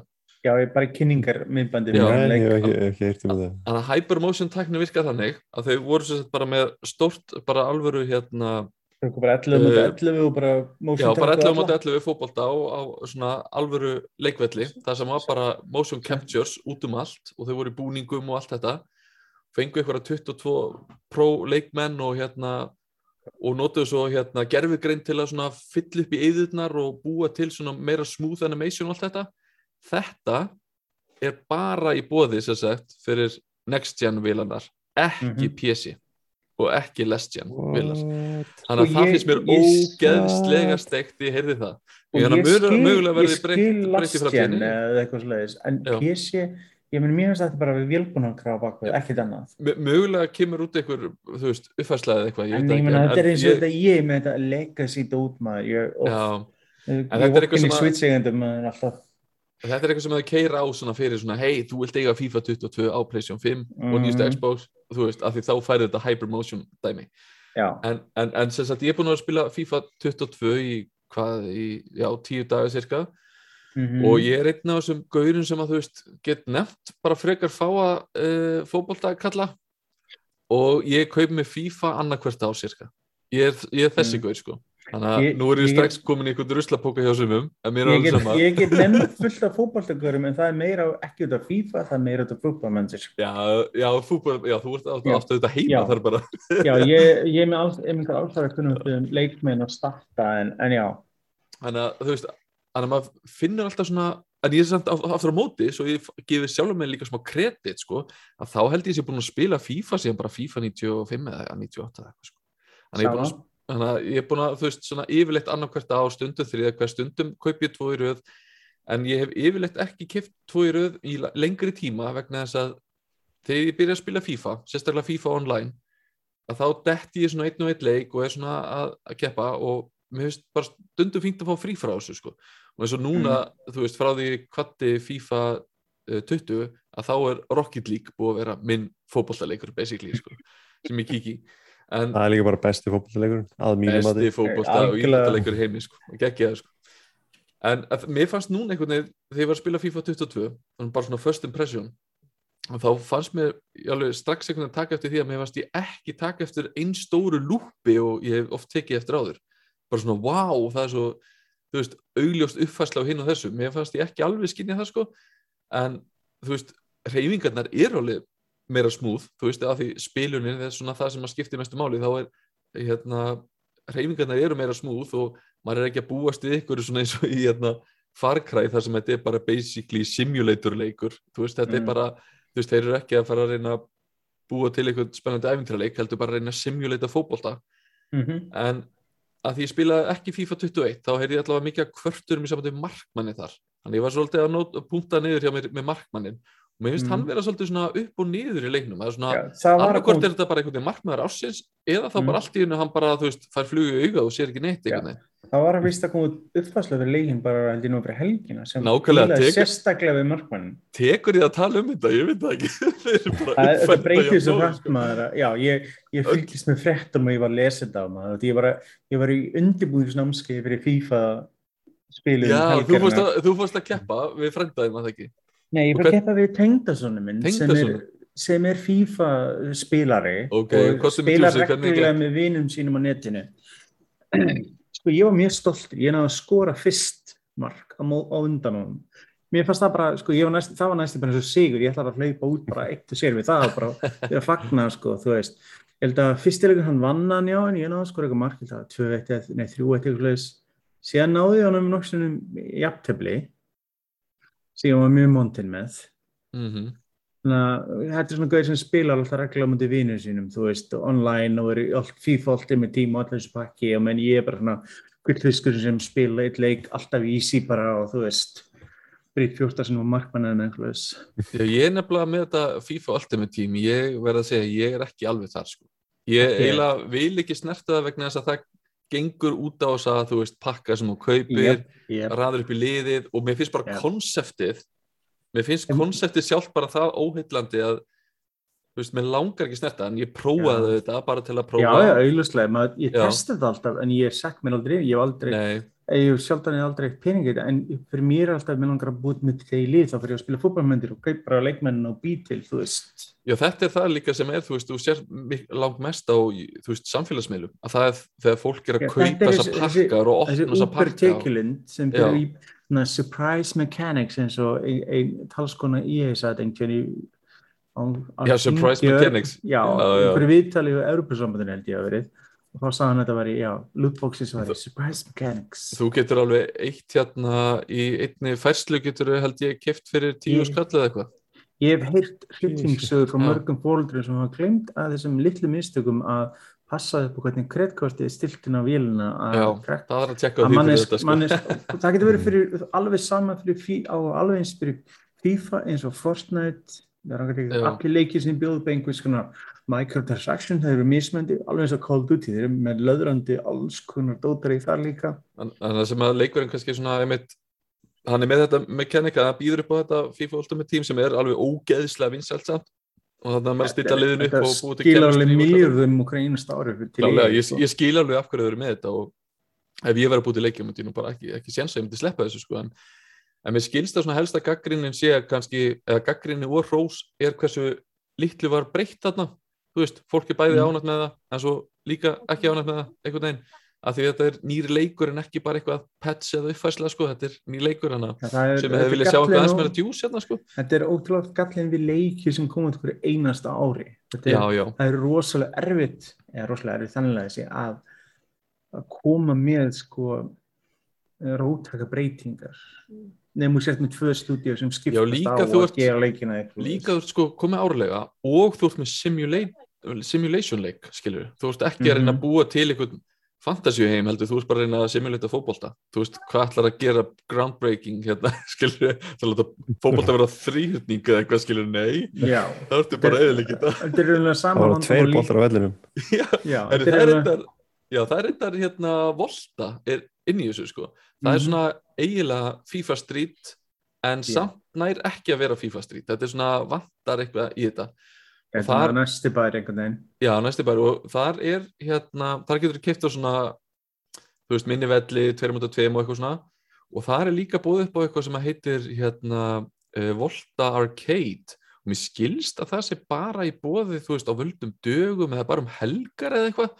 Mm. mjög skrítið sko. Okay. og hérna og þá er þetta svona eins og partí mínileikir eins og þú veist og þa Já. þá sapnar stigum og sá sem fær flest stig eftir fjóra mínileiki hann stendur upp sér sigurverð þetta er Það var eitthvað mystery ból ég sá þetta eitthvað með Já. helgin og ég bara, mér leiðins ég var að lesa what? það, það var til dæmis e- einu stað áttum maður að sparka bolt í veggin og þú veist þá bolturinn verður bara hann verður kannski blár á litin og ég er blá í karakterinn þá ég að sparka í veggin og aðrir er að reyna að trubla mig á meðan mm. veist, þetta var einn mínileikurinn, annar mínileikurinn var hérna fótbolt á tennis sem maður nota fæturnar til að sparki þeir svona tennisnið uh, og svo var hérna hvað var meira, þá var eitthvað uh, já, að drippla boltanum og sem flesta hvíta fleti og eitthvað, ég veit ekki, mér finnst þetta ekki eitthvað æðislega skemmtilegt en þú veist, jú, jú svona hvað endist smástund. mikið í þessu sko Það Já, málið.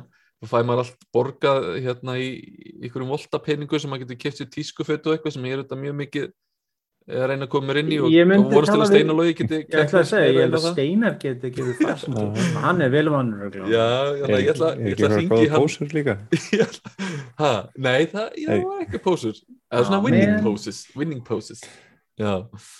En hérna, já, það volta er svona það er svona öðruvísi hluturinn í þessu svo er þetta hægt að fara í karriérmót og þá er hérna hægt að fara bæði í manager hlutan sem að sveitnir þetta alveg bara titra hérna verið það ekki? Já, og síðan, já, ég spila hann ótrúlega oft, það er blóman, ég spila managerkaplan. Og og það var svona vandrarlegt, ég hafði svona gana FIFA þegar ég pröfuði þarna þessi þrjú ár með söguna, ég spilaði FIFA fyrir söguna í þrjú ár. þú ert örugglega eina manneskin manneskin á, á bara jörðinni sem gerði það. Ég spilaði FIFA fyrir blottið. Já, akkurat.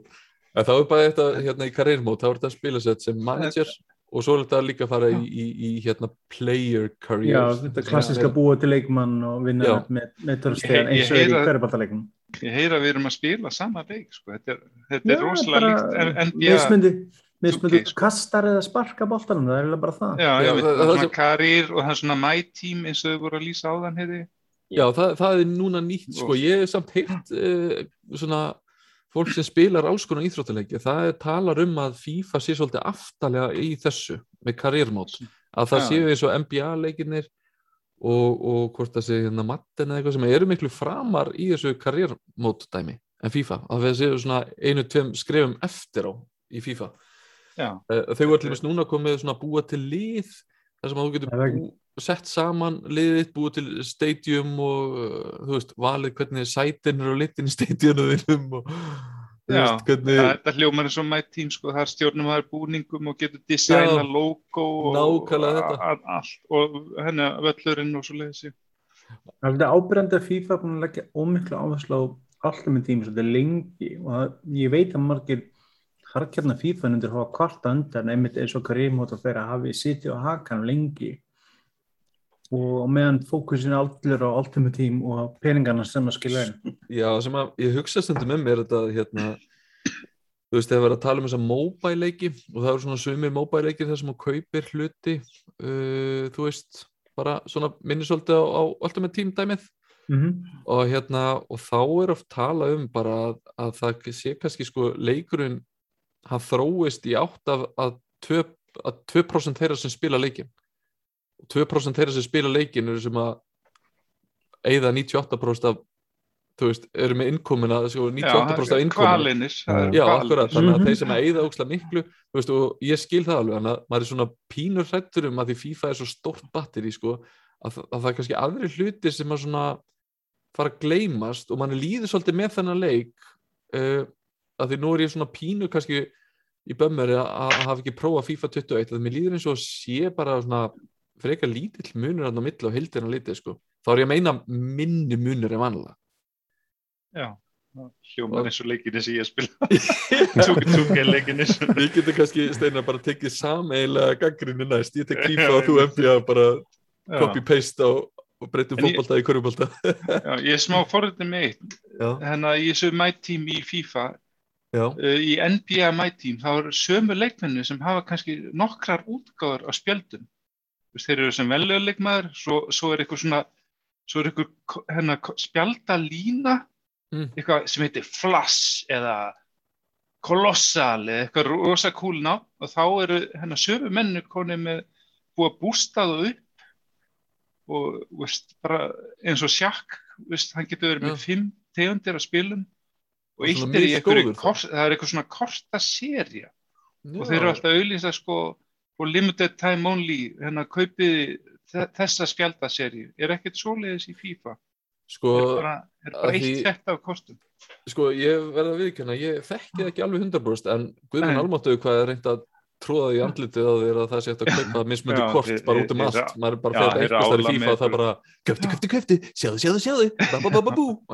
Bara, það er sama. En, að- að ég bara veit það ekki því miður sko, en, en mér finnst bara hljóma mjög líklegt og ég veit það ekki já, sko. það er árlega eitthvað svoleiðis. Það er eitthvað Já. spes já, sami gauður getur verið með fimm tegundir af kostum og svo einmitt að því einmitt, að svo er alltaf einhver uppfærslu sem að breyta spilinu og eitthvað, þannig að mér finnst eins og það tala um svona booster og eitthvað þá tók ég alveg eftir því að því ég var að reyna að spila sem Holland og allir sem að voru að keppa á móti að hollandska landsliðinu voru bara alltaf, þú veist, París hérna liðið í Fraklandi hérna við stjórnu teimi sitt að hérna, þú veist, ég bara drullu tapaði alltaf og þá er alltaf nokkri leikmenn sem eru bara svo ógeðslega fljótur að hlaupa. Já, og það er bara Já, ekki það- séns það er ekki séns að þú bara gerir neitt sko. Þú- hálfri sekundu og seitt þá ertu bara búin að missa þessu. Já, já, þetta er svo kallar já, metagame í þessu leikjum. En að spilur að Mhm. finna einhver finna einhverja gauðra sem eru hennar be, miklu betri en flestir sko. Og svo bara nota þær þá aftur og aftur og aftur, aftur. ég spilaði hans í, í FIFA Ultimate Team og guð minn almáttugur ég var bara, þú veist ég á ekki að vera þarna. sko. já, já, það var verið að leika að mér sko, ég, að leika sér að mér. Ég var bara eitthvað músatn og kettirnir út um allt hérna, klóra mig og íta mig til. Ég, ég veist ekki hvað var að gerast og ég var svo mikið að reyna, ég var að svitna hérna og bara að drekka Gatorade og allt bara. Og það var ekkert að virka þannig að svo fór ég bara í mitt svæði sem að er uh, season sem er bara online einn og einn leikur og hver stend ég hérna eftir x marga leiki? Það er miklu þægilegra. Mér finnst samt vanta smá balans þar í að fá svona verðuga anstæðinga skilur við, annarkvort er ég svona ógeðslega lélugur í leiknum. Ég er bara ég er bara alveg lélegasti í FIFA. Eða þú veist að vantar svona aumingja rank eða eitthvað. Þeir ætti að ranka þér á móti alveg eins spilurum en Já, það gengið ekki. eitthvað erfilega að hinga til en Já. hérna, mér finnst það að því tek eftir þessu, þú veist, eins og í Rocket League mér finnst það mjög vel gert í Rocket League sko. Nei. og maður lendir yfirleitt á eitthvað svona anstæðingu sem eru í svipu lefulega eitthvað allavega, svona oftast Já, það- bara þegar maður er búin að taka þessar tíu leiki og að búið Já, að finna já. góðan stað fyrir mann þá, Já, já. þá er Rocket League oftast þokkalega gott í placementinu Já. Já, já, já, það en það, þá einmitt kemur svona annað þú veist að það eru sum lið sem eru bara áberandi með áberandi betri spilar en aðrir þetta er svona eins og allir myndu nota sama bílinn í Rocket af því hann var eitthvað aðeins betri. Já, já, og þú veist, Já. ég, ég er þessi gauð sem að vi- ég vil spila sem Belgia eða Holland eða Ísland. Þá reyndar, ef ég spila sem Ísland sem er minni með þryggja stjórnulið eða þryggja hálfstjórnulið, þá þá Mhm. fá ég reyndar annað lið á móti sem er í svipuðu þú veist, standardi. Styrtaflokki já, ég fæ ekki á móti Fraklandi hérna eða eitthvað. Þannig að það er allt í lagi sko en, en það eru sumir, þú veist, það er ofnótkun á sumum liðum eins og hefur bara alltaf verið í FIFA. Já, já. og hérna maður astnast til að stundum taka þátt í því og það er alveg gaman en það er líka gaman að vera svona þessi svona, ég kannski ekki segja að Belgia sé eitthvað underdog hérna sko en þú veist, að vera eitthvað önnur lið en þessi 2-3 sem allir velja sko. Mm. en þetta er bara mjög, þú veist, á heildirinn liti ég kannski hljóma fyrir eitthvað neikvæður, ég veit það ekki en mér finnst þetta, á heildirinn liti er þetta samt bara, þú veist, fínt. Ég hefði viljað samt fá þú veist, aðeins meira svona vá, nú finn ég fyrir þessu þú veist, ég er ekki búin að kaupa FIFA í tvö ár. Wow, nú finn ég eitthvað Mm. svakalegt spennandi en ég var ekki alveg að finna það sko. Spurning hvað gerir síðan þegar þetta síðan alltaf vandamálið, það verður framönda fyrir PlayStation 4 og PlayStation 5 mm.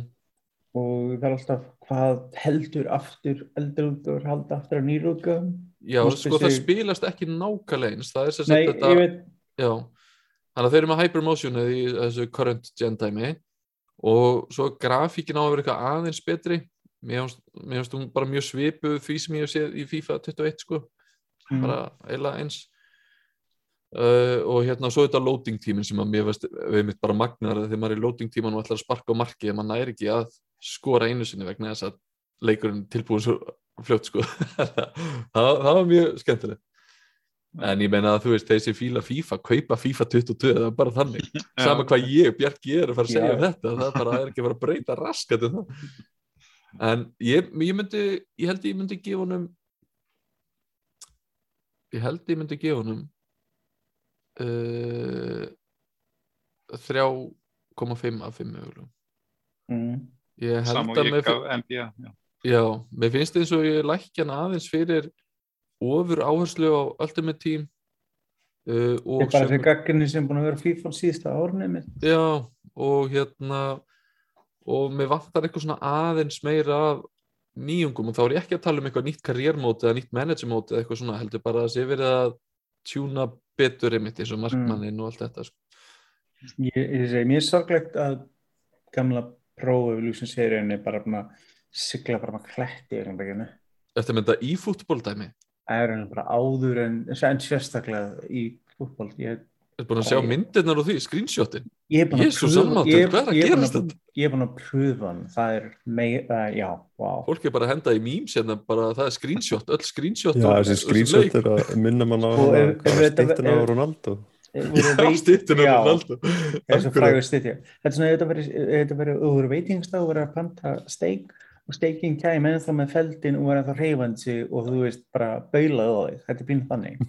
Maður bara, Já. hvað voru þeir að hugsa þetta út í þessu ástandi maður. og síðan það var free to play leikur þokkabót sem er allt í lagi þannig að þessi ef þetta væri bara virkaði og Er væri bara með einhverja svona- fítisa. er þetta ekki bara svona neyðar úrræði þetta er svona að þú veist, við verðum að gera þetta annars erum við bara átt alveg það lítur að vera þeir eru búin að vera átöndi lengi en já, já, virðist meina- alltaf að reyna allavega að gera eitthvað sko Ég meina, ok, ég get að skila að fara inn á hana gríðarlega peningastóra markað sem Ultimate Team er. mm. Þetta verða þú minnst að vera með leik sem er nótafur og það er gefur út í þessu ástandi sem vandar svo mikið í hann, þá, já. mér finnst þessi leikur nú alveg hérna alveg, alveg í fínu ástandi þannig sko en Já, já, en PS er bara, literally bara með, er tveil hann, ekkert annað. Þetta er svo basic, hluturíkinu var alveg erlegasti líkanar. ok Þetta er það rátt. já, maður mann alveg eftir því maður var að spyrja byrja, að því ég byrja að spila fótballtaleiki og fyrstu fótballtaleiki sem ég kifti fyrir minn pening sem að var, já það var reyndar eitthvað förðulegi titlar og Dreamcast eða eitthvað en hérna, það var PS sko Já, ég elskaði PS á PlayStation 2 til dæmis. ég man eftir því það var eitthvað þegar maður fattaði með eitthvað að já þau eru ekki með leifin og liðunum að þú þarfst að endurnefna alla æðislegt Ég man alltaf eftir hvaða pærit drasli þetta Ég man að þetta að spila Manchester Red með Ryan Giggs. já. maður bara, er þetta alveg til í leikjatölvi, má þetta þetta var hérna eitthvað en svo einmitt skipti maður í FIFA og það FIFA át alla daginn sko. það er bara þannig Mm. En já, já, Hvað já, segirðu? Heru, Svona þá vitið allt um retro? FIFA já, yep. Já, eigum við að- að henda okkur í smá retrogýr leikja klúburinn mm, kemur það.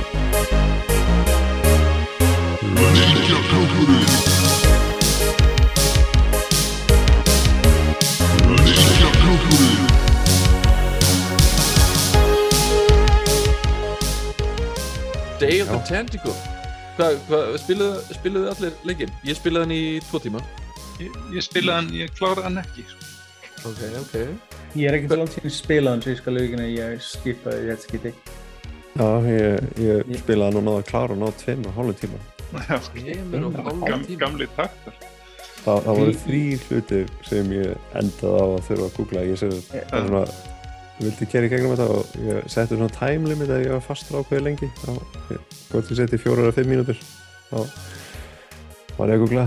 En, en uh, ég, já, hvað, se- hvað segir, hver er spiluð það, Ég- Bjarki spilaði. Bjarkilega. Já, eða þú ég eða spilaði. Estin. Ég, ég horfði að Bjarka spila og ég dáðist af því hvað mikið hann myndi. Ég er náttúrulega að spila hann leik alveg sem tíma. Það var reyndar sko eitt sem fylgdi ekki alveg söguna því ég sagði í byrjun að ég hefði spilað hann áður svo spilaði ég líka rey mikið þegar hann kom út og svo Já. hjálpaði dóttur minni þegar hún spilaði hann fyrir einhverjum tveim árum eða eitthvað en Mhm. sem fylgdi ekki alveg sögunni var þú veist að því ég spilaði gætu að- hliðina? eða? Nei, nei, nei, nei, að því ég spilaði orginalleikin að þá spilaði hann öruglega að minnst 2015 sem Já, ok. Ég, ég man eftir þessum leik. Ég bara hann- spilaði hann aftur og aftur þetta, var, þetta er pick-up leikurinn sem ég spilaði bara oftast sko. Ég man eftir eftir þegar hún kemur út. Ég er það gamall að ég man eftir þessum leikim. Ég bara spilaði ekkert. Ég spilaði Grim Fandagar undar en ég spilaði ekki þennan. Já, Þegar hann ég, kom út, það er svona, svona öðru í sig fyrir mig að.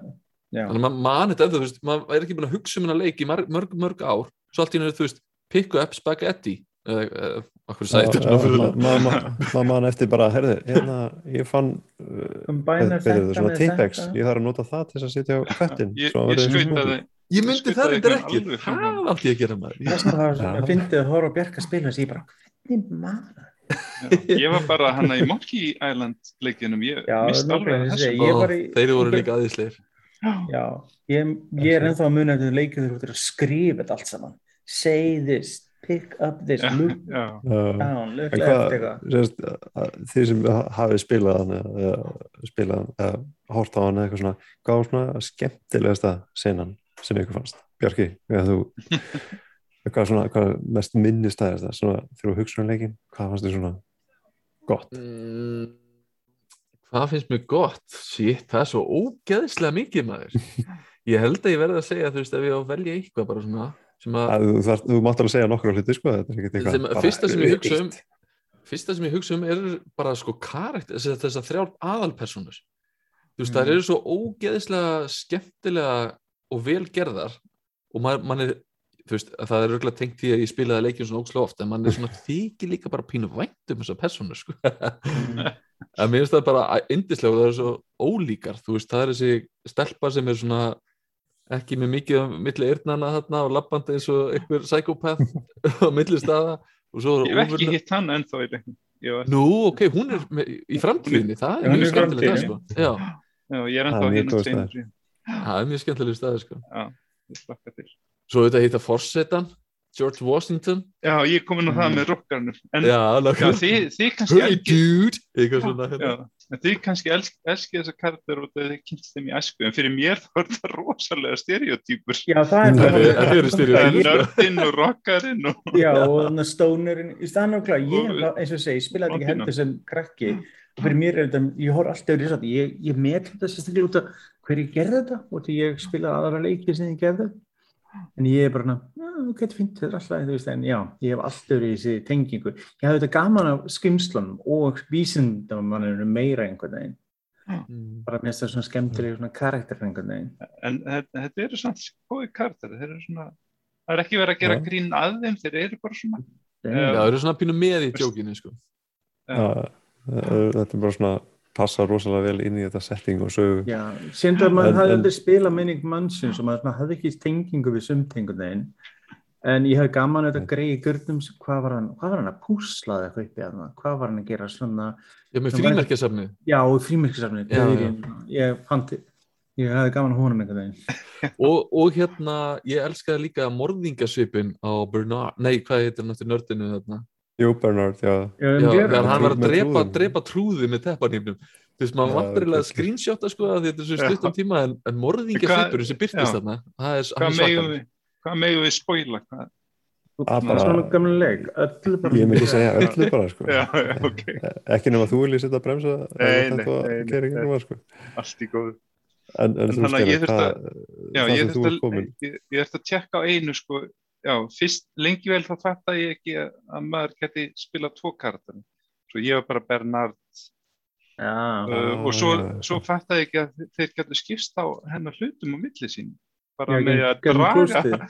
Já, Já, og þa- hennar- það var til dæmis eitt sem uh, breytist mikið í remastered útgáðinu í, maður gæti dreigið hlutina á hina karakterina og þeir bara svona byrtust hinn. Mm. í, í upprænlega útgáðinu þá þurftum maður alltaf að lappa alla leið að það var svo mikið Inn á handafinn klósettinu. átt í já, Ekki- Það er En- alveg- en hérna, það var eitt sem ég stoppaði á og eitt sem ég þurfti að líta eftir sko. það var hérna þegar hann var með hérna, V- VHS teipi sitt var, var að skoða það. Og hann var bú, ég var búinn að fá vísindamannin til að hérna, gaf hann um díkaf svo hann fór að hérna, lappi sefni og svo sá ég bara hérna, töluna 57 og ok, kóðin er bara 57 og, og ég fór hann niður og, og þá var hann ennþá að hérna, gera kóðan svo ég, svo skildi ég ekki hvernig ég átti að halda á hann, þá tjekka ég á netinu og þá þurfti maður að hægja á teipinu og þá fekk maður meiri kóða, sko, allan kóða. Mm. Já, Ég held þarf- þetta væri bara 57, loka kóða, það byrstist 57. og, og til, að, til að hæja á kóðunum þá þarf þetta að fara að aftur, aftur í tíman Já. og láta gaur sem er að búti styttu af bróðu sínum láta hann fá örfenda hamar eins og að já, ég, ég sem að það sjálfur, já, það já, ég heila kveikti strax og ég sá típurna og ok, þetta er sama já, og svo fóru eitthvað að tala um að hann er réttendur og hinn er örvendur og svona kveikti maður og maður fór eitthvað að reyna. Það var hamarinn já sem maður skipti út já, já, já. þetta er, já, þetta er mjög svona já, þetta er skemmtilega leikur. Þetta er geggjaðilegur. Það er, eh, svo ég segi frá mínum uppáhaldsatriðum, það var til dæmis þegar eh, Bernard notar kúpinnið á sjálfsalan og það hrýnir út svona peningarhúfa og hann er að taka það alla upp og segja svona, ah, 1937 og hérna, hú 1955 já, Og man, segja svo textum bara svona a long while later. Já,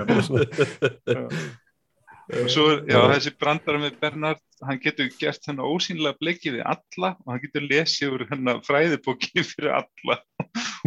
Og ég er alltaf að gera það sko, sitja ósýnilega bleik á alla hann er mikið í pranks er því sko. Mm. hann passa mjög vel það sko. og það var líka hvað var það með hann að hóki rótaran þegar, þegar maður þarf að fá þrjumu við þér þá var það að þvó hestvagnin og þegar það er bara er lögmálið, um leið maður er búin að þrýfa bíli sem þá kemur þau sko.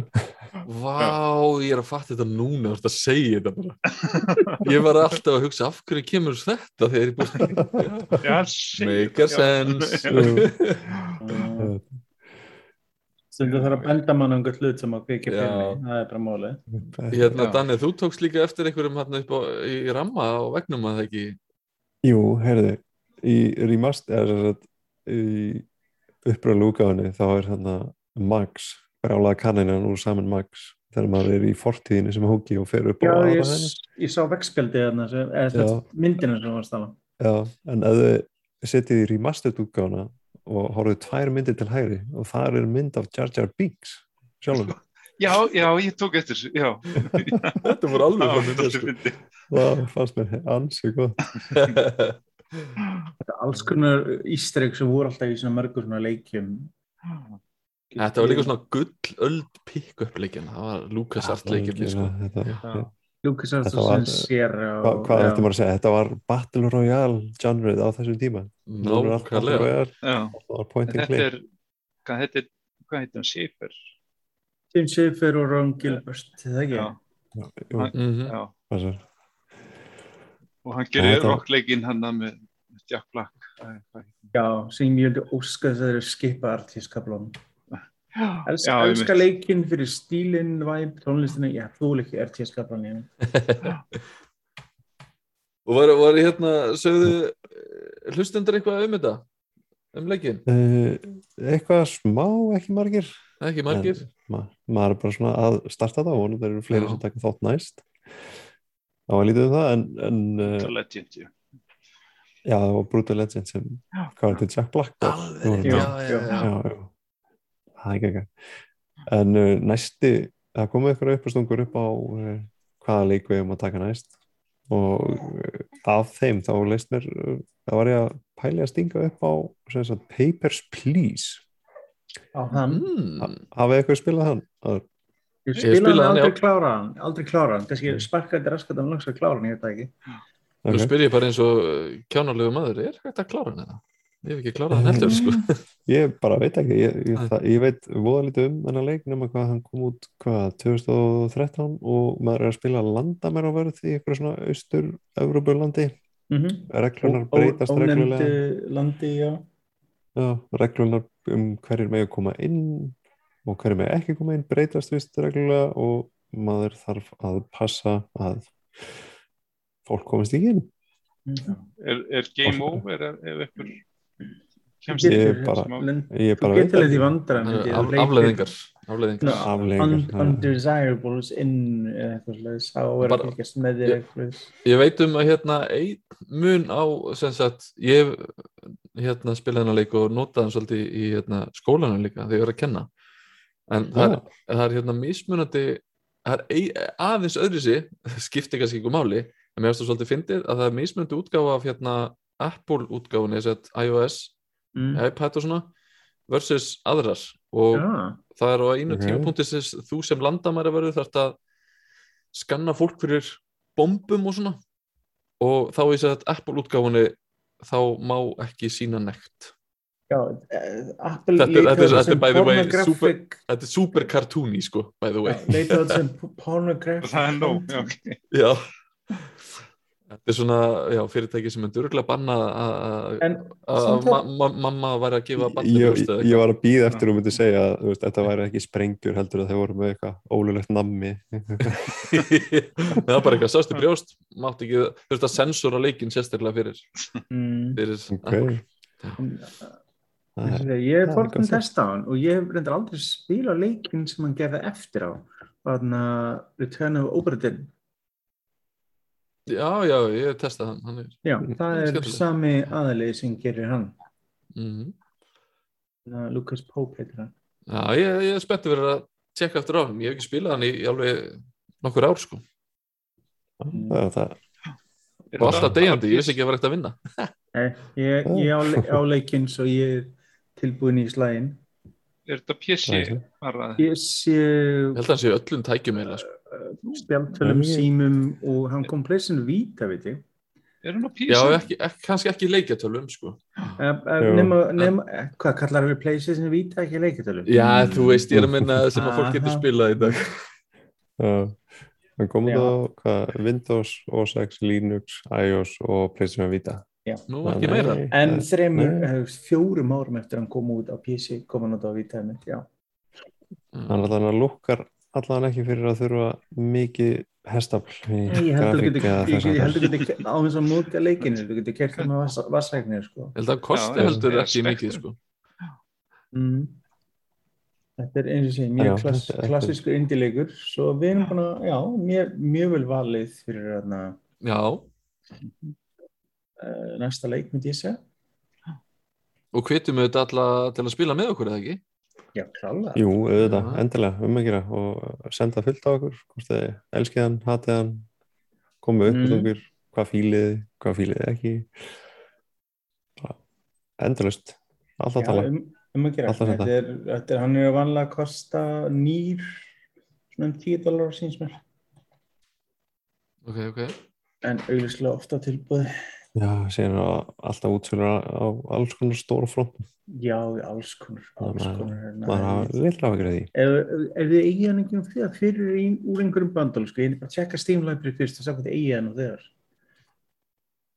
mm -hmm. Já, það já, það er þetta, hlæta því þetta hljóma mjög vel ég er allavega mjög spenntið fyrir að setja mig í hlutverk landamæravarðar og horfa á mig í speklinum og sjá hver mín innri manneskja er eftir að hafa spilað hennar leik. að hérna uh, Sveit, þú varst með hérna eina stutta fréttið það ekki saman við Grand Theft Auto Definitive Já, ég- Edition Sabnið skal bara taka þetta mér hrað. Eh, Það er enda búið orðanumar í marga mánu að Rockstar sé var að gefa út einhvers konar útgáður af gömlu leikjunum, GT-leikjunum, GTA3, Vice City og San Andreas. Og þessir útgáður hafa hingað til að vera til bara sem á PlayStation 4 og 3 svona PlayStation 2 Classic leikir, bara nákvæmlega eins og þau voru og auðvitað búin til Steam auðvitað öll þessi ár og öðrum plattformum en núna er það að koma þó við vitum ekki brjálæðislega mikið um það er að koma út Grand Theft Auto Definitive Edition í næsta mánuði Ég langar rosalega að segja 19. november en ég ætla ekki að sverja fyrir það. Og þetta virðist vera endurgerð þessum þeim leiki vegna þess að Unreal Engine logo er mest við þetta. En ég veit ekki alveg hvernig þess að uppröðunleikandi keira allar á renduverjuvelni sem börnótleikarnir keira líka á. Og já, það, sagt- það, það sem kannski tvíþætt er við þetta, það er koma út einhver nýjur útgáður leikjum sem er auðvitað að kaupa stakar eða sikkurlæginu saman í bakka og í næstu viku hverfa allar hinnar útgáðunar út af Digital Storefronts á Playstation, Xbox og PC. Þannig að auðvitað eiga gamla útgáðunar eða áttar ekki fyrir það hefur skamman tíma til þess að grípa þér áður en að það er hverfa. Mhm. Það er alltaf einhverja grænt þetta átófréttir maður, það er hérna bara mánaðalegt dæmi bara í mörg ári eða eitthvað. Það er líka svo, þetta er svo legendary leikir eitthvað. Já, já, það er mjög, mjög skætt endalega sem ég segi. Það er að koma á. PlayStation 4, 5, Xbox Series og Switch og PC.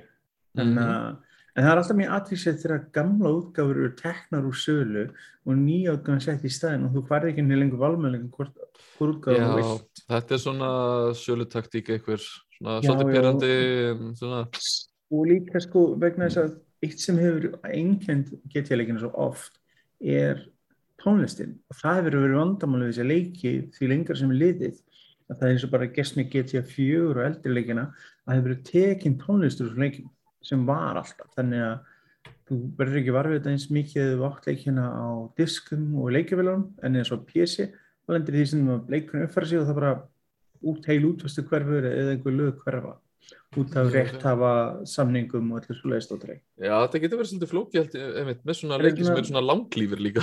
Já, líka þetta, þetta er líka síðan eitthvað sem umræði sem þetta game preservation varveita leiki eins og voru þú veist, Mhm. síðan er búið breyta þeim, þetta er eins og með bíómynd sem kemur út og er búið gefa út þú veist, extended edition unrated edition, Já, já. director's edition bla bla, en síðan allir taka hina útgáðan úr sölu og þannig að fólk getur ekki lengur nálgast uppbyrjun útgáðana Já, einmitt, akkurat, þetta er svona einmitt ennþá flóknara með töluleikið mitt sem eru patchaðar bara hann að hægri vinstri alla daga og Já, hvað og hvað.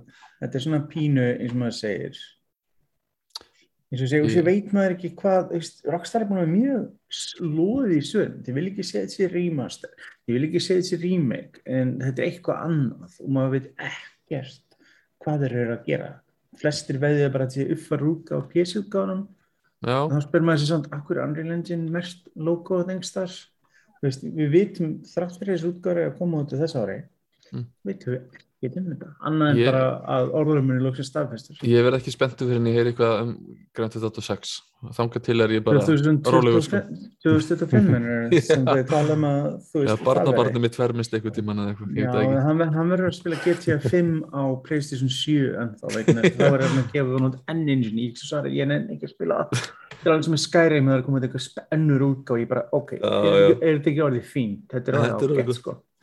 Ég, ég vil bara fá nýja leiki, takk eða minnstakosti endur útgáð af gömlu leikin sem við erum ekki búin að fá 16 sinnum áður En, en talandum nýja leiki, það er hérna stutt í að, að Back for Blood uh, komi út, er það ekki Já, bara á þriðdæginum jú, næstu ykkur, 12. Já, 12. tólf- oktober 12. oktober og strákar, ég veit nú ekki hversu við langt við vorum komið þetta samtali hérna áður en við tókum upp en, en uh, við vorum allavega hérna að, að tala um að reyna að stefna eitthvað streymið þá Eh, Ég er búin að installa um svo eins gott að, að nota þetta pláss hérna ég er búin Það að, er það er ég er búin, er að nýta með Game Passið og allt saman og ég er búin að downloada reiknum. Já, nákvæmlega Ég, ég, ég er klár í slægin. Þannig að hvað, erum erum við hér, ég, er búin að henda í að sækja leikinn og Ok. Sjóða Þú voru að taka á. erum við, erum við já, ég, ég ætla að fara að downloada bara eftir þáttin hérna Mm erum, við, að- erum við að tala um að stefna á þriðjudaginn 12. eða miðgudaginn 13. Var það ekki miðvikudaginn eða? Nei, Ég veit það ekki. Jú, við vorum, við vorum að tala um miðgudaginn uppálega Mjög ámar ekki að gefa allan einn dag út af sem að segja eitthvað 100% test server. Server, Já. já, ég held að það sé mjög gáðulegt að segja gáfulegt. mið, miðvikudaginn. Við hlustum á The Pros hérna Já, já, hann, þú veist, öllu vanur. Ég myndi segja miðvikudaginn. En já, okkur langar að mynda að stefna í að vera með smá co-op zombie slátrun. Já, Þannig að uh, það voru þetta að tjúna bara á, á Switch, nei Switch, vá, búin að tala alltaf mikið Switch, Twitch, vá, það er svo loka. Ef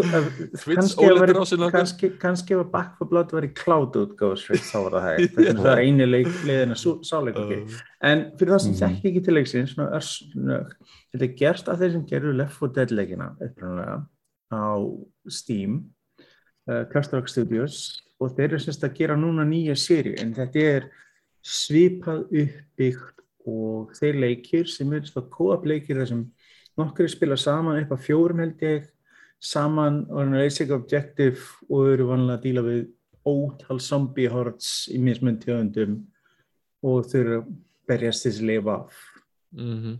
nema, Já, ég held, held mér að það sé ekki svona kallað á zombie sem Já, kannski- ritten já, já, já, kannski til þess að uh, sportna við einhver þá, þarna, já, þá heitir það einhver en við hljóttum að geta, þú veist Já, er þetta meira kannski Já. svona zombíar eins og við sjáum í Resident Evil sem er svona skrýmsla zombíar eða eitthvað já, svoleiðis. þú veist, það er náttúrulega nú til nú til hægir Já. zombie, hraðir zombie þú veist, það er svona, þú veist það er svona spesial og öðruvísis uh, mismöndi eiginleikar hjá sumum jú, og þetta Já. er svona líka hægt að taka- já já, síðan hægt að taka var líka gaman til ef við erum búin að spila þetta svolítið að taka svona fjórir versus fjórir af því að það er þetta að spila já, það er competitive multiplayer líka.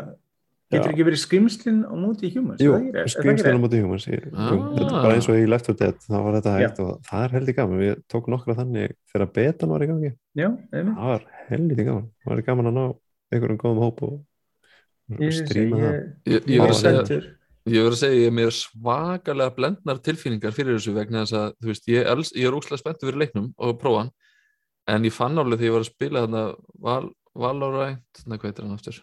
Valorant, Já. jú Já, Valorant. þá fann ég hvað ég var bara svona rusty old man með mína mús og líklaborð í fyrstu personu Já, ég, ég, hef, var ég ég bara, skal oh viðkenni, ég er God. búin að spila svo mörg ár í- með gamepad að þegar ég spila allt í einhver leiki bara með svona Twitch-dæmi á PC þá er allt í henni bara Vá, Já, ég þarf að fá eitthvað svona handicap.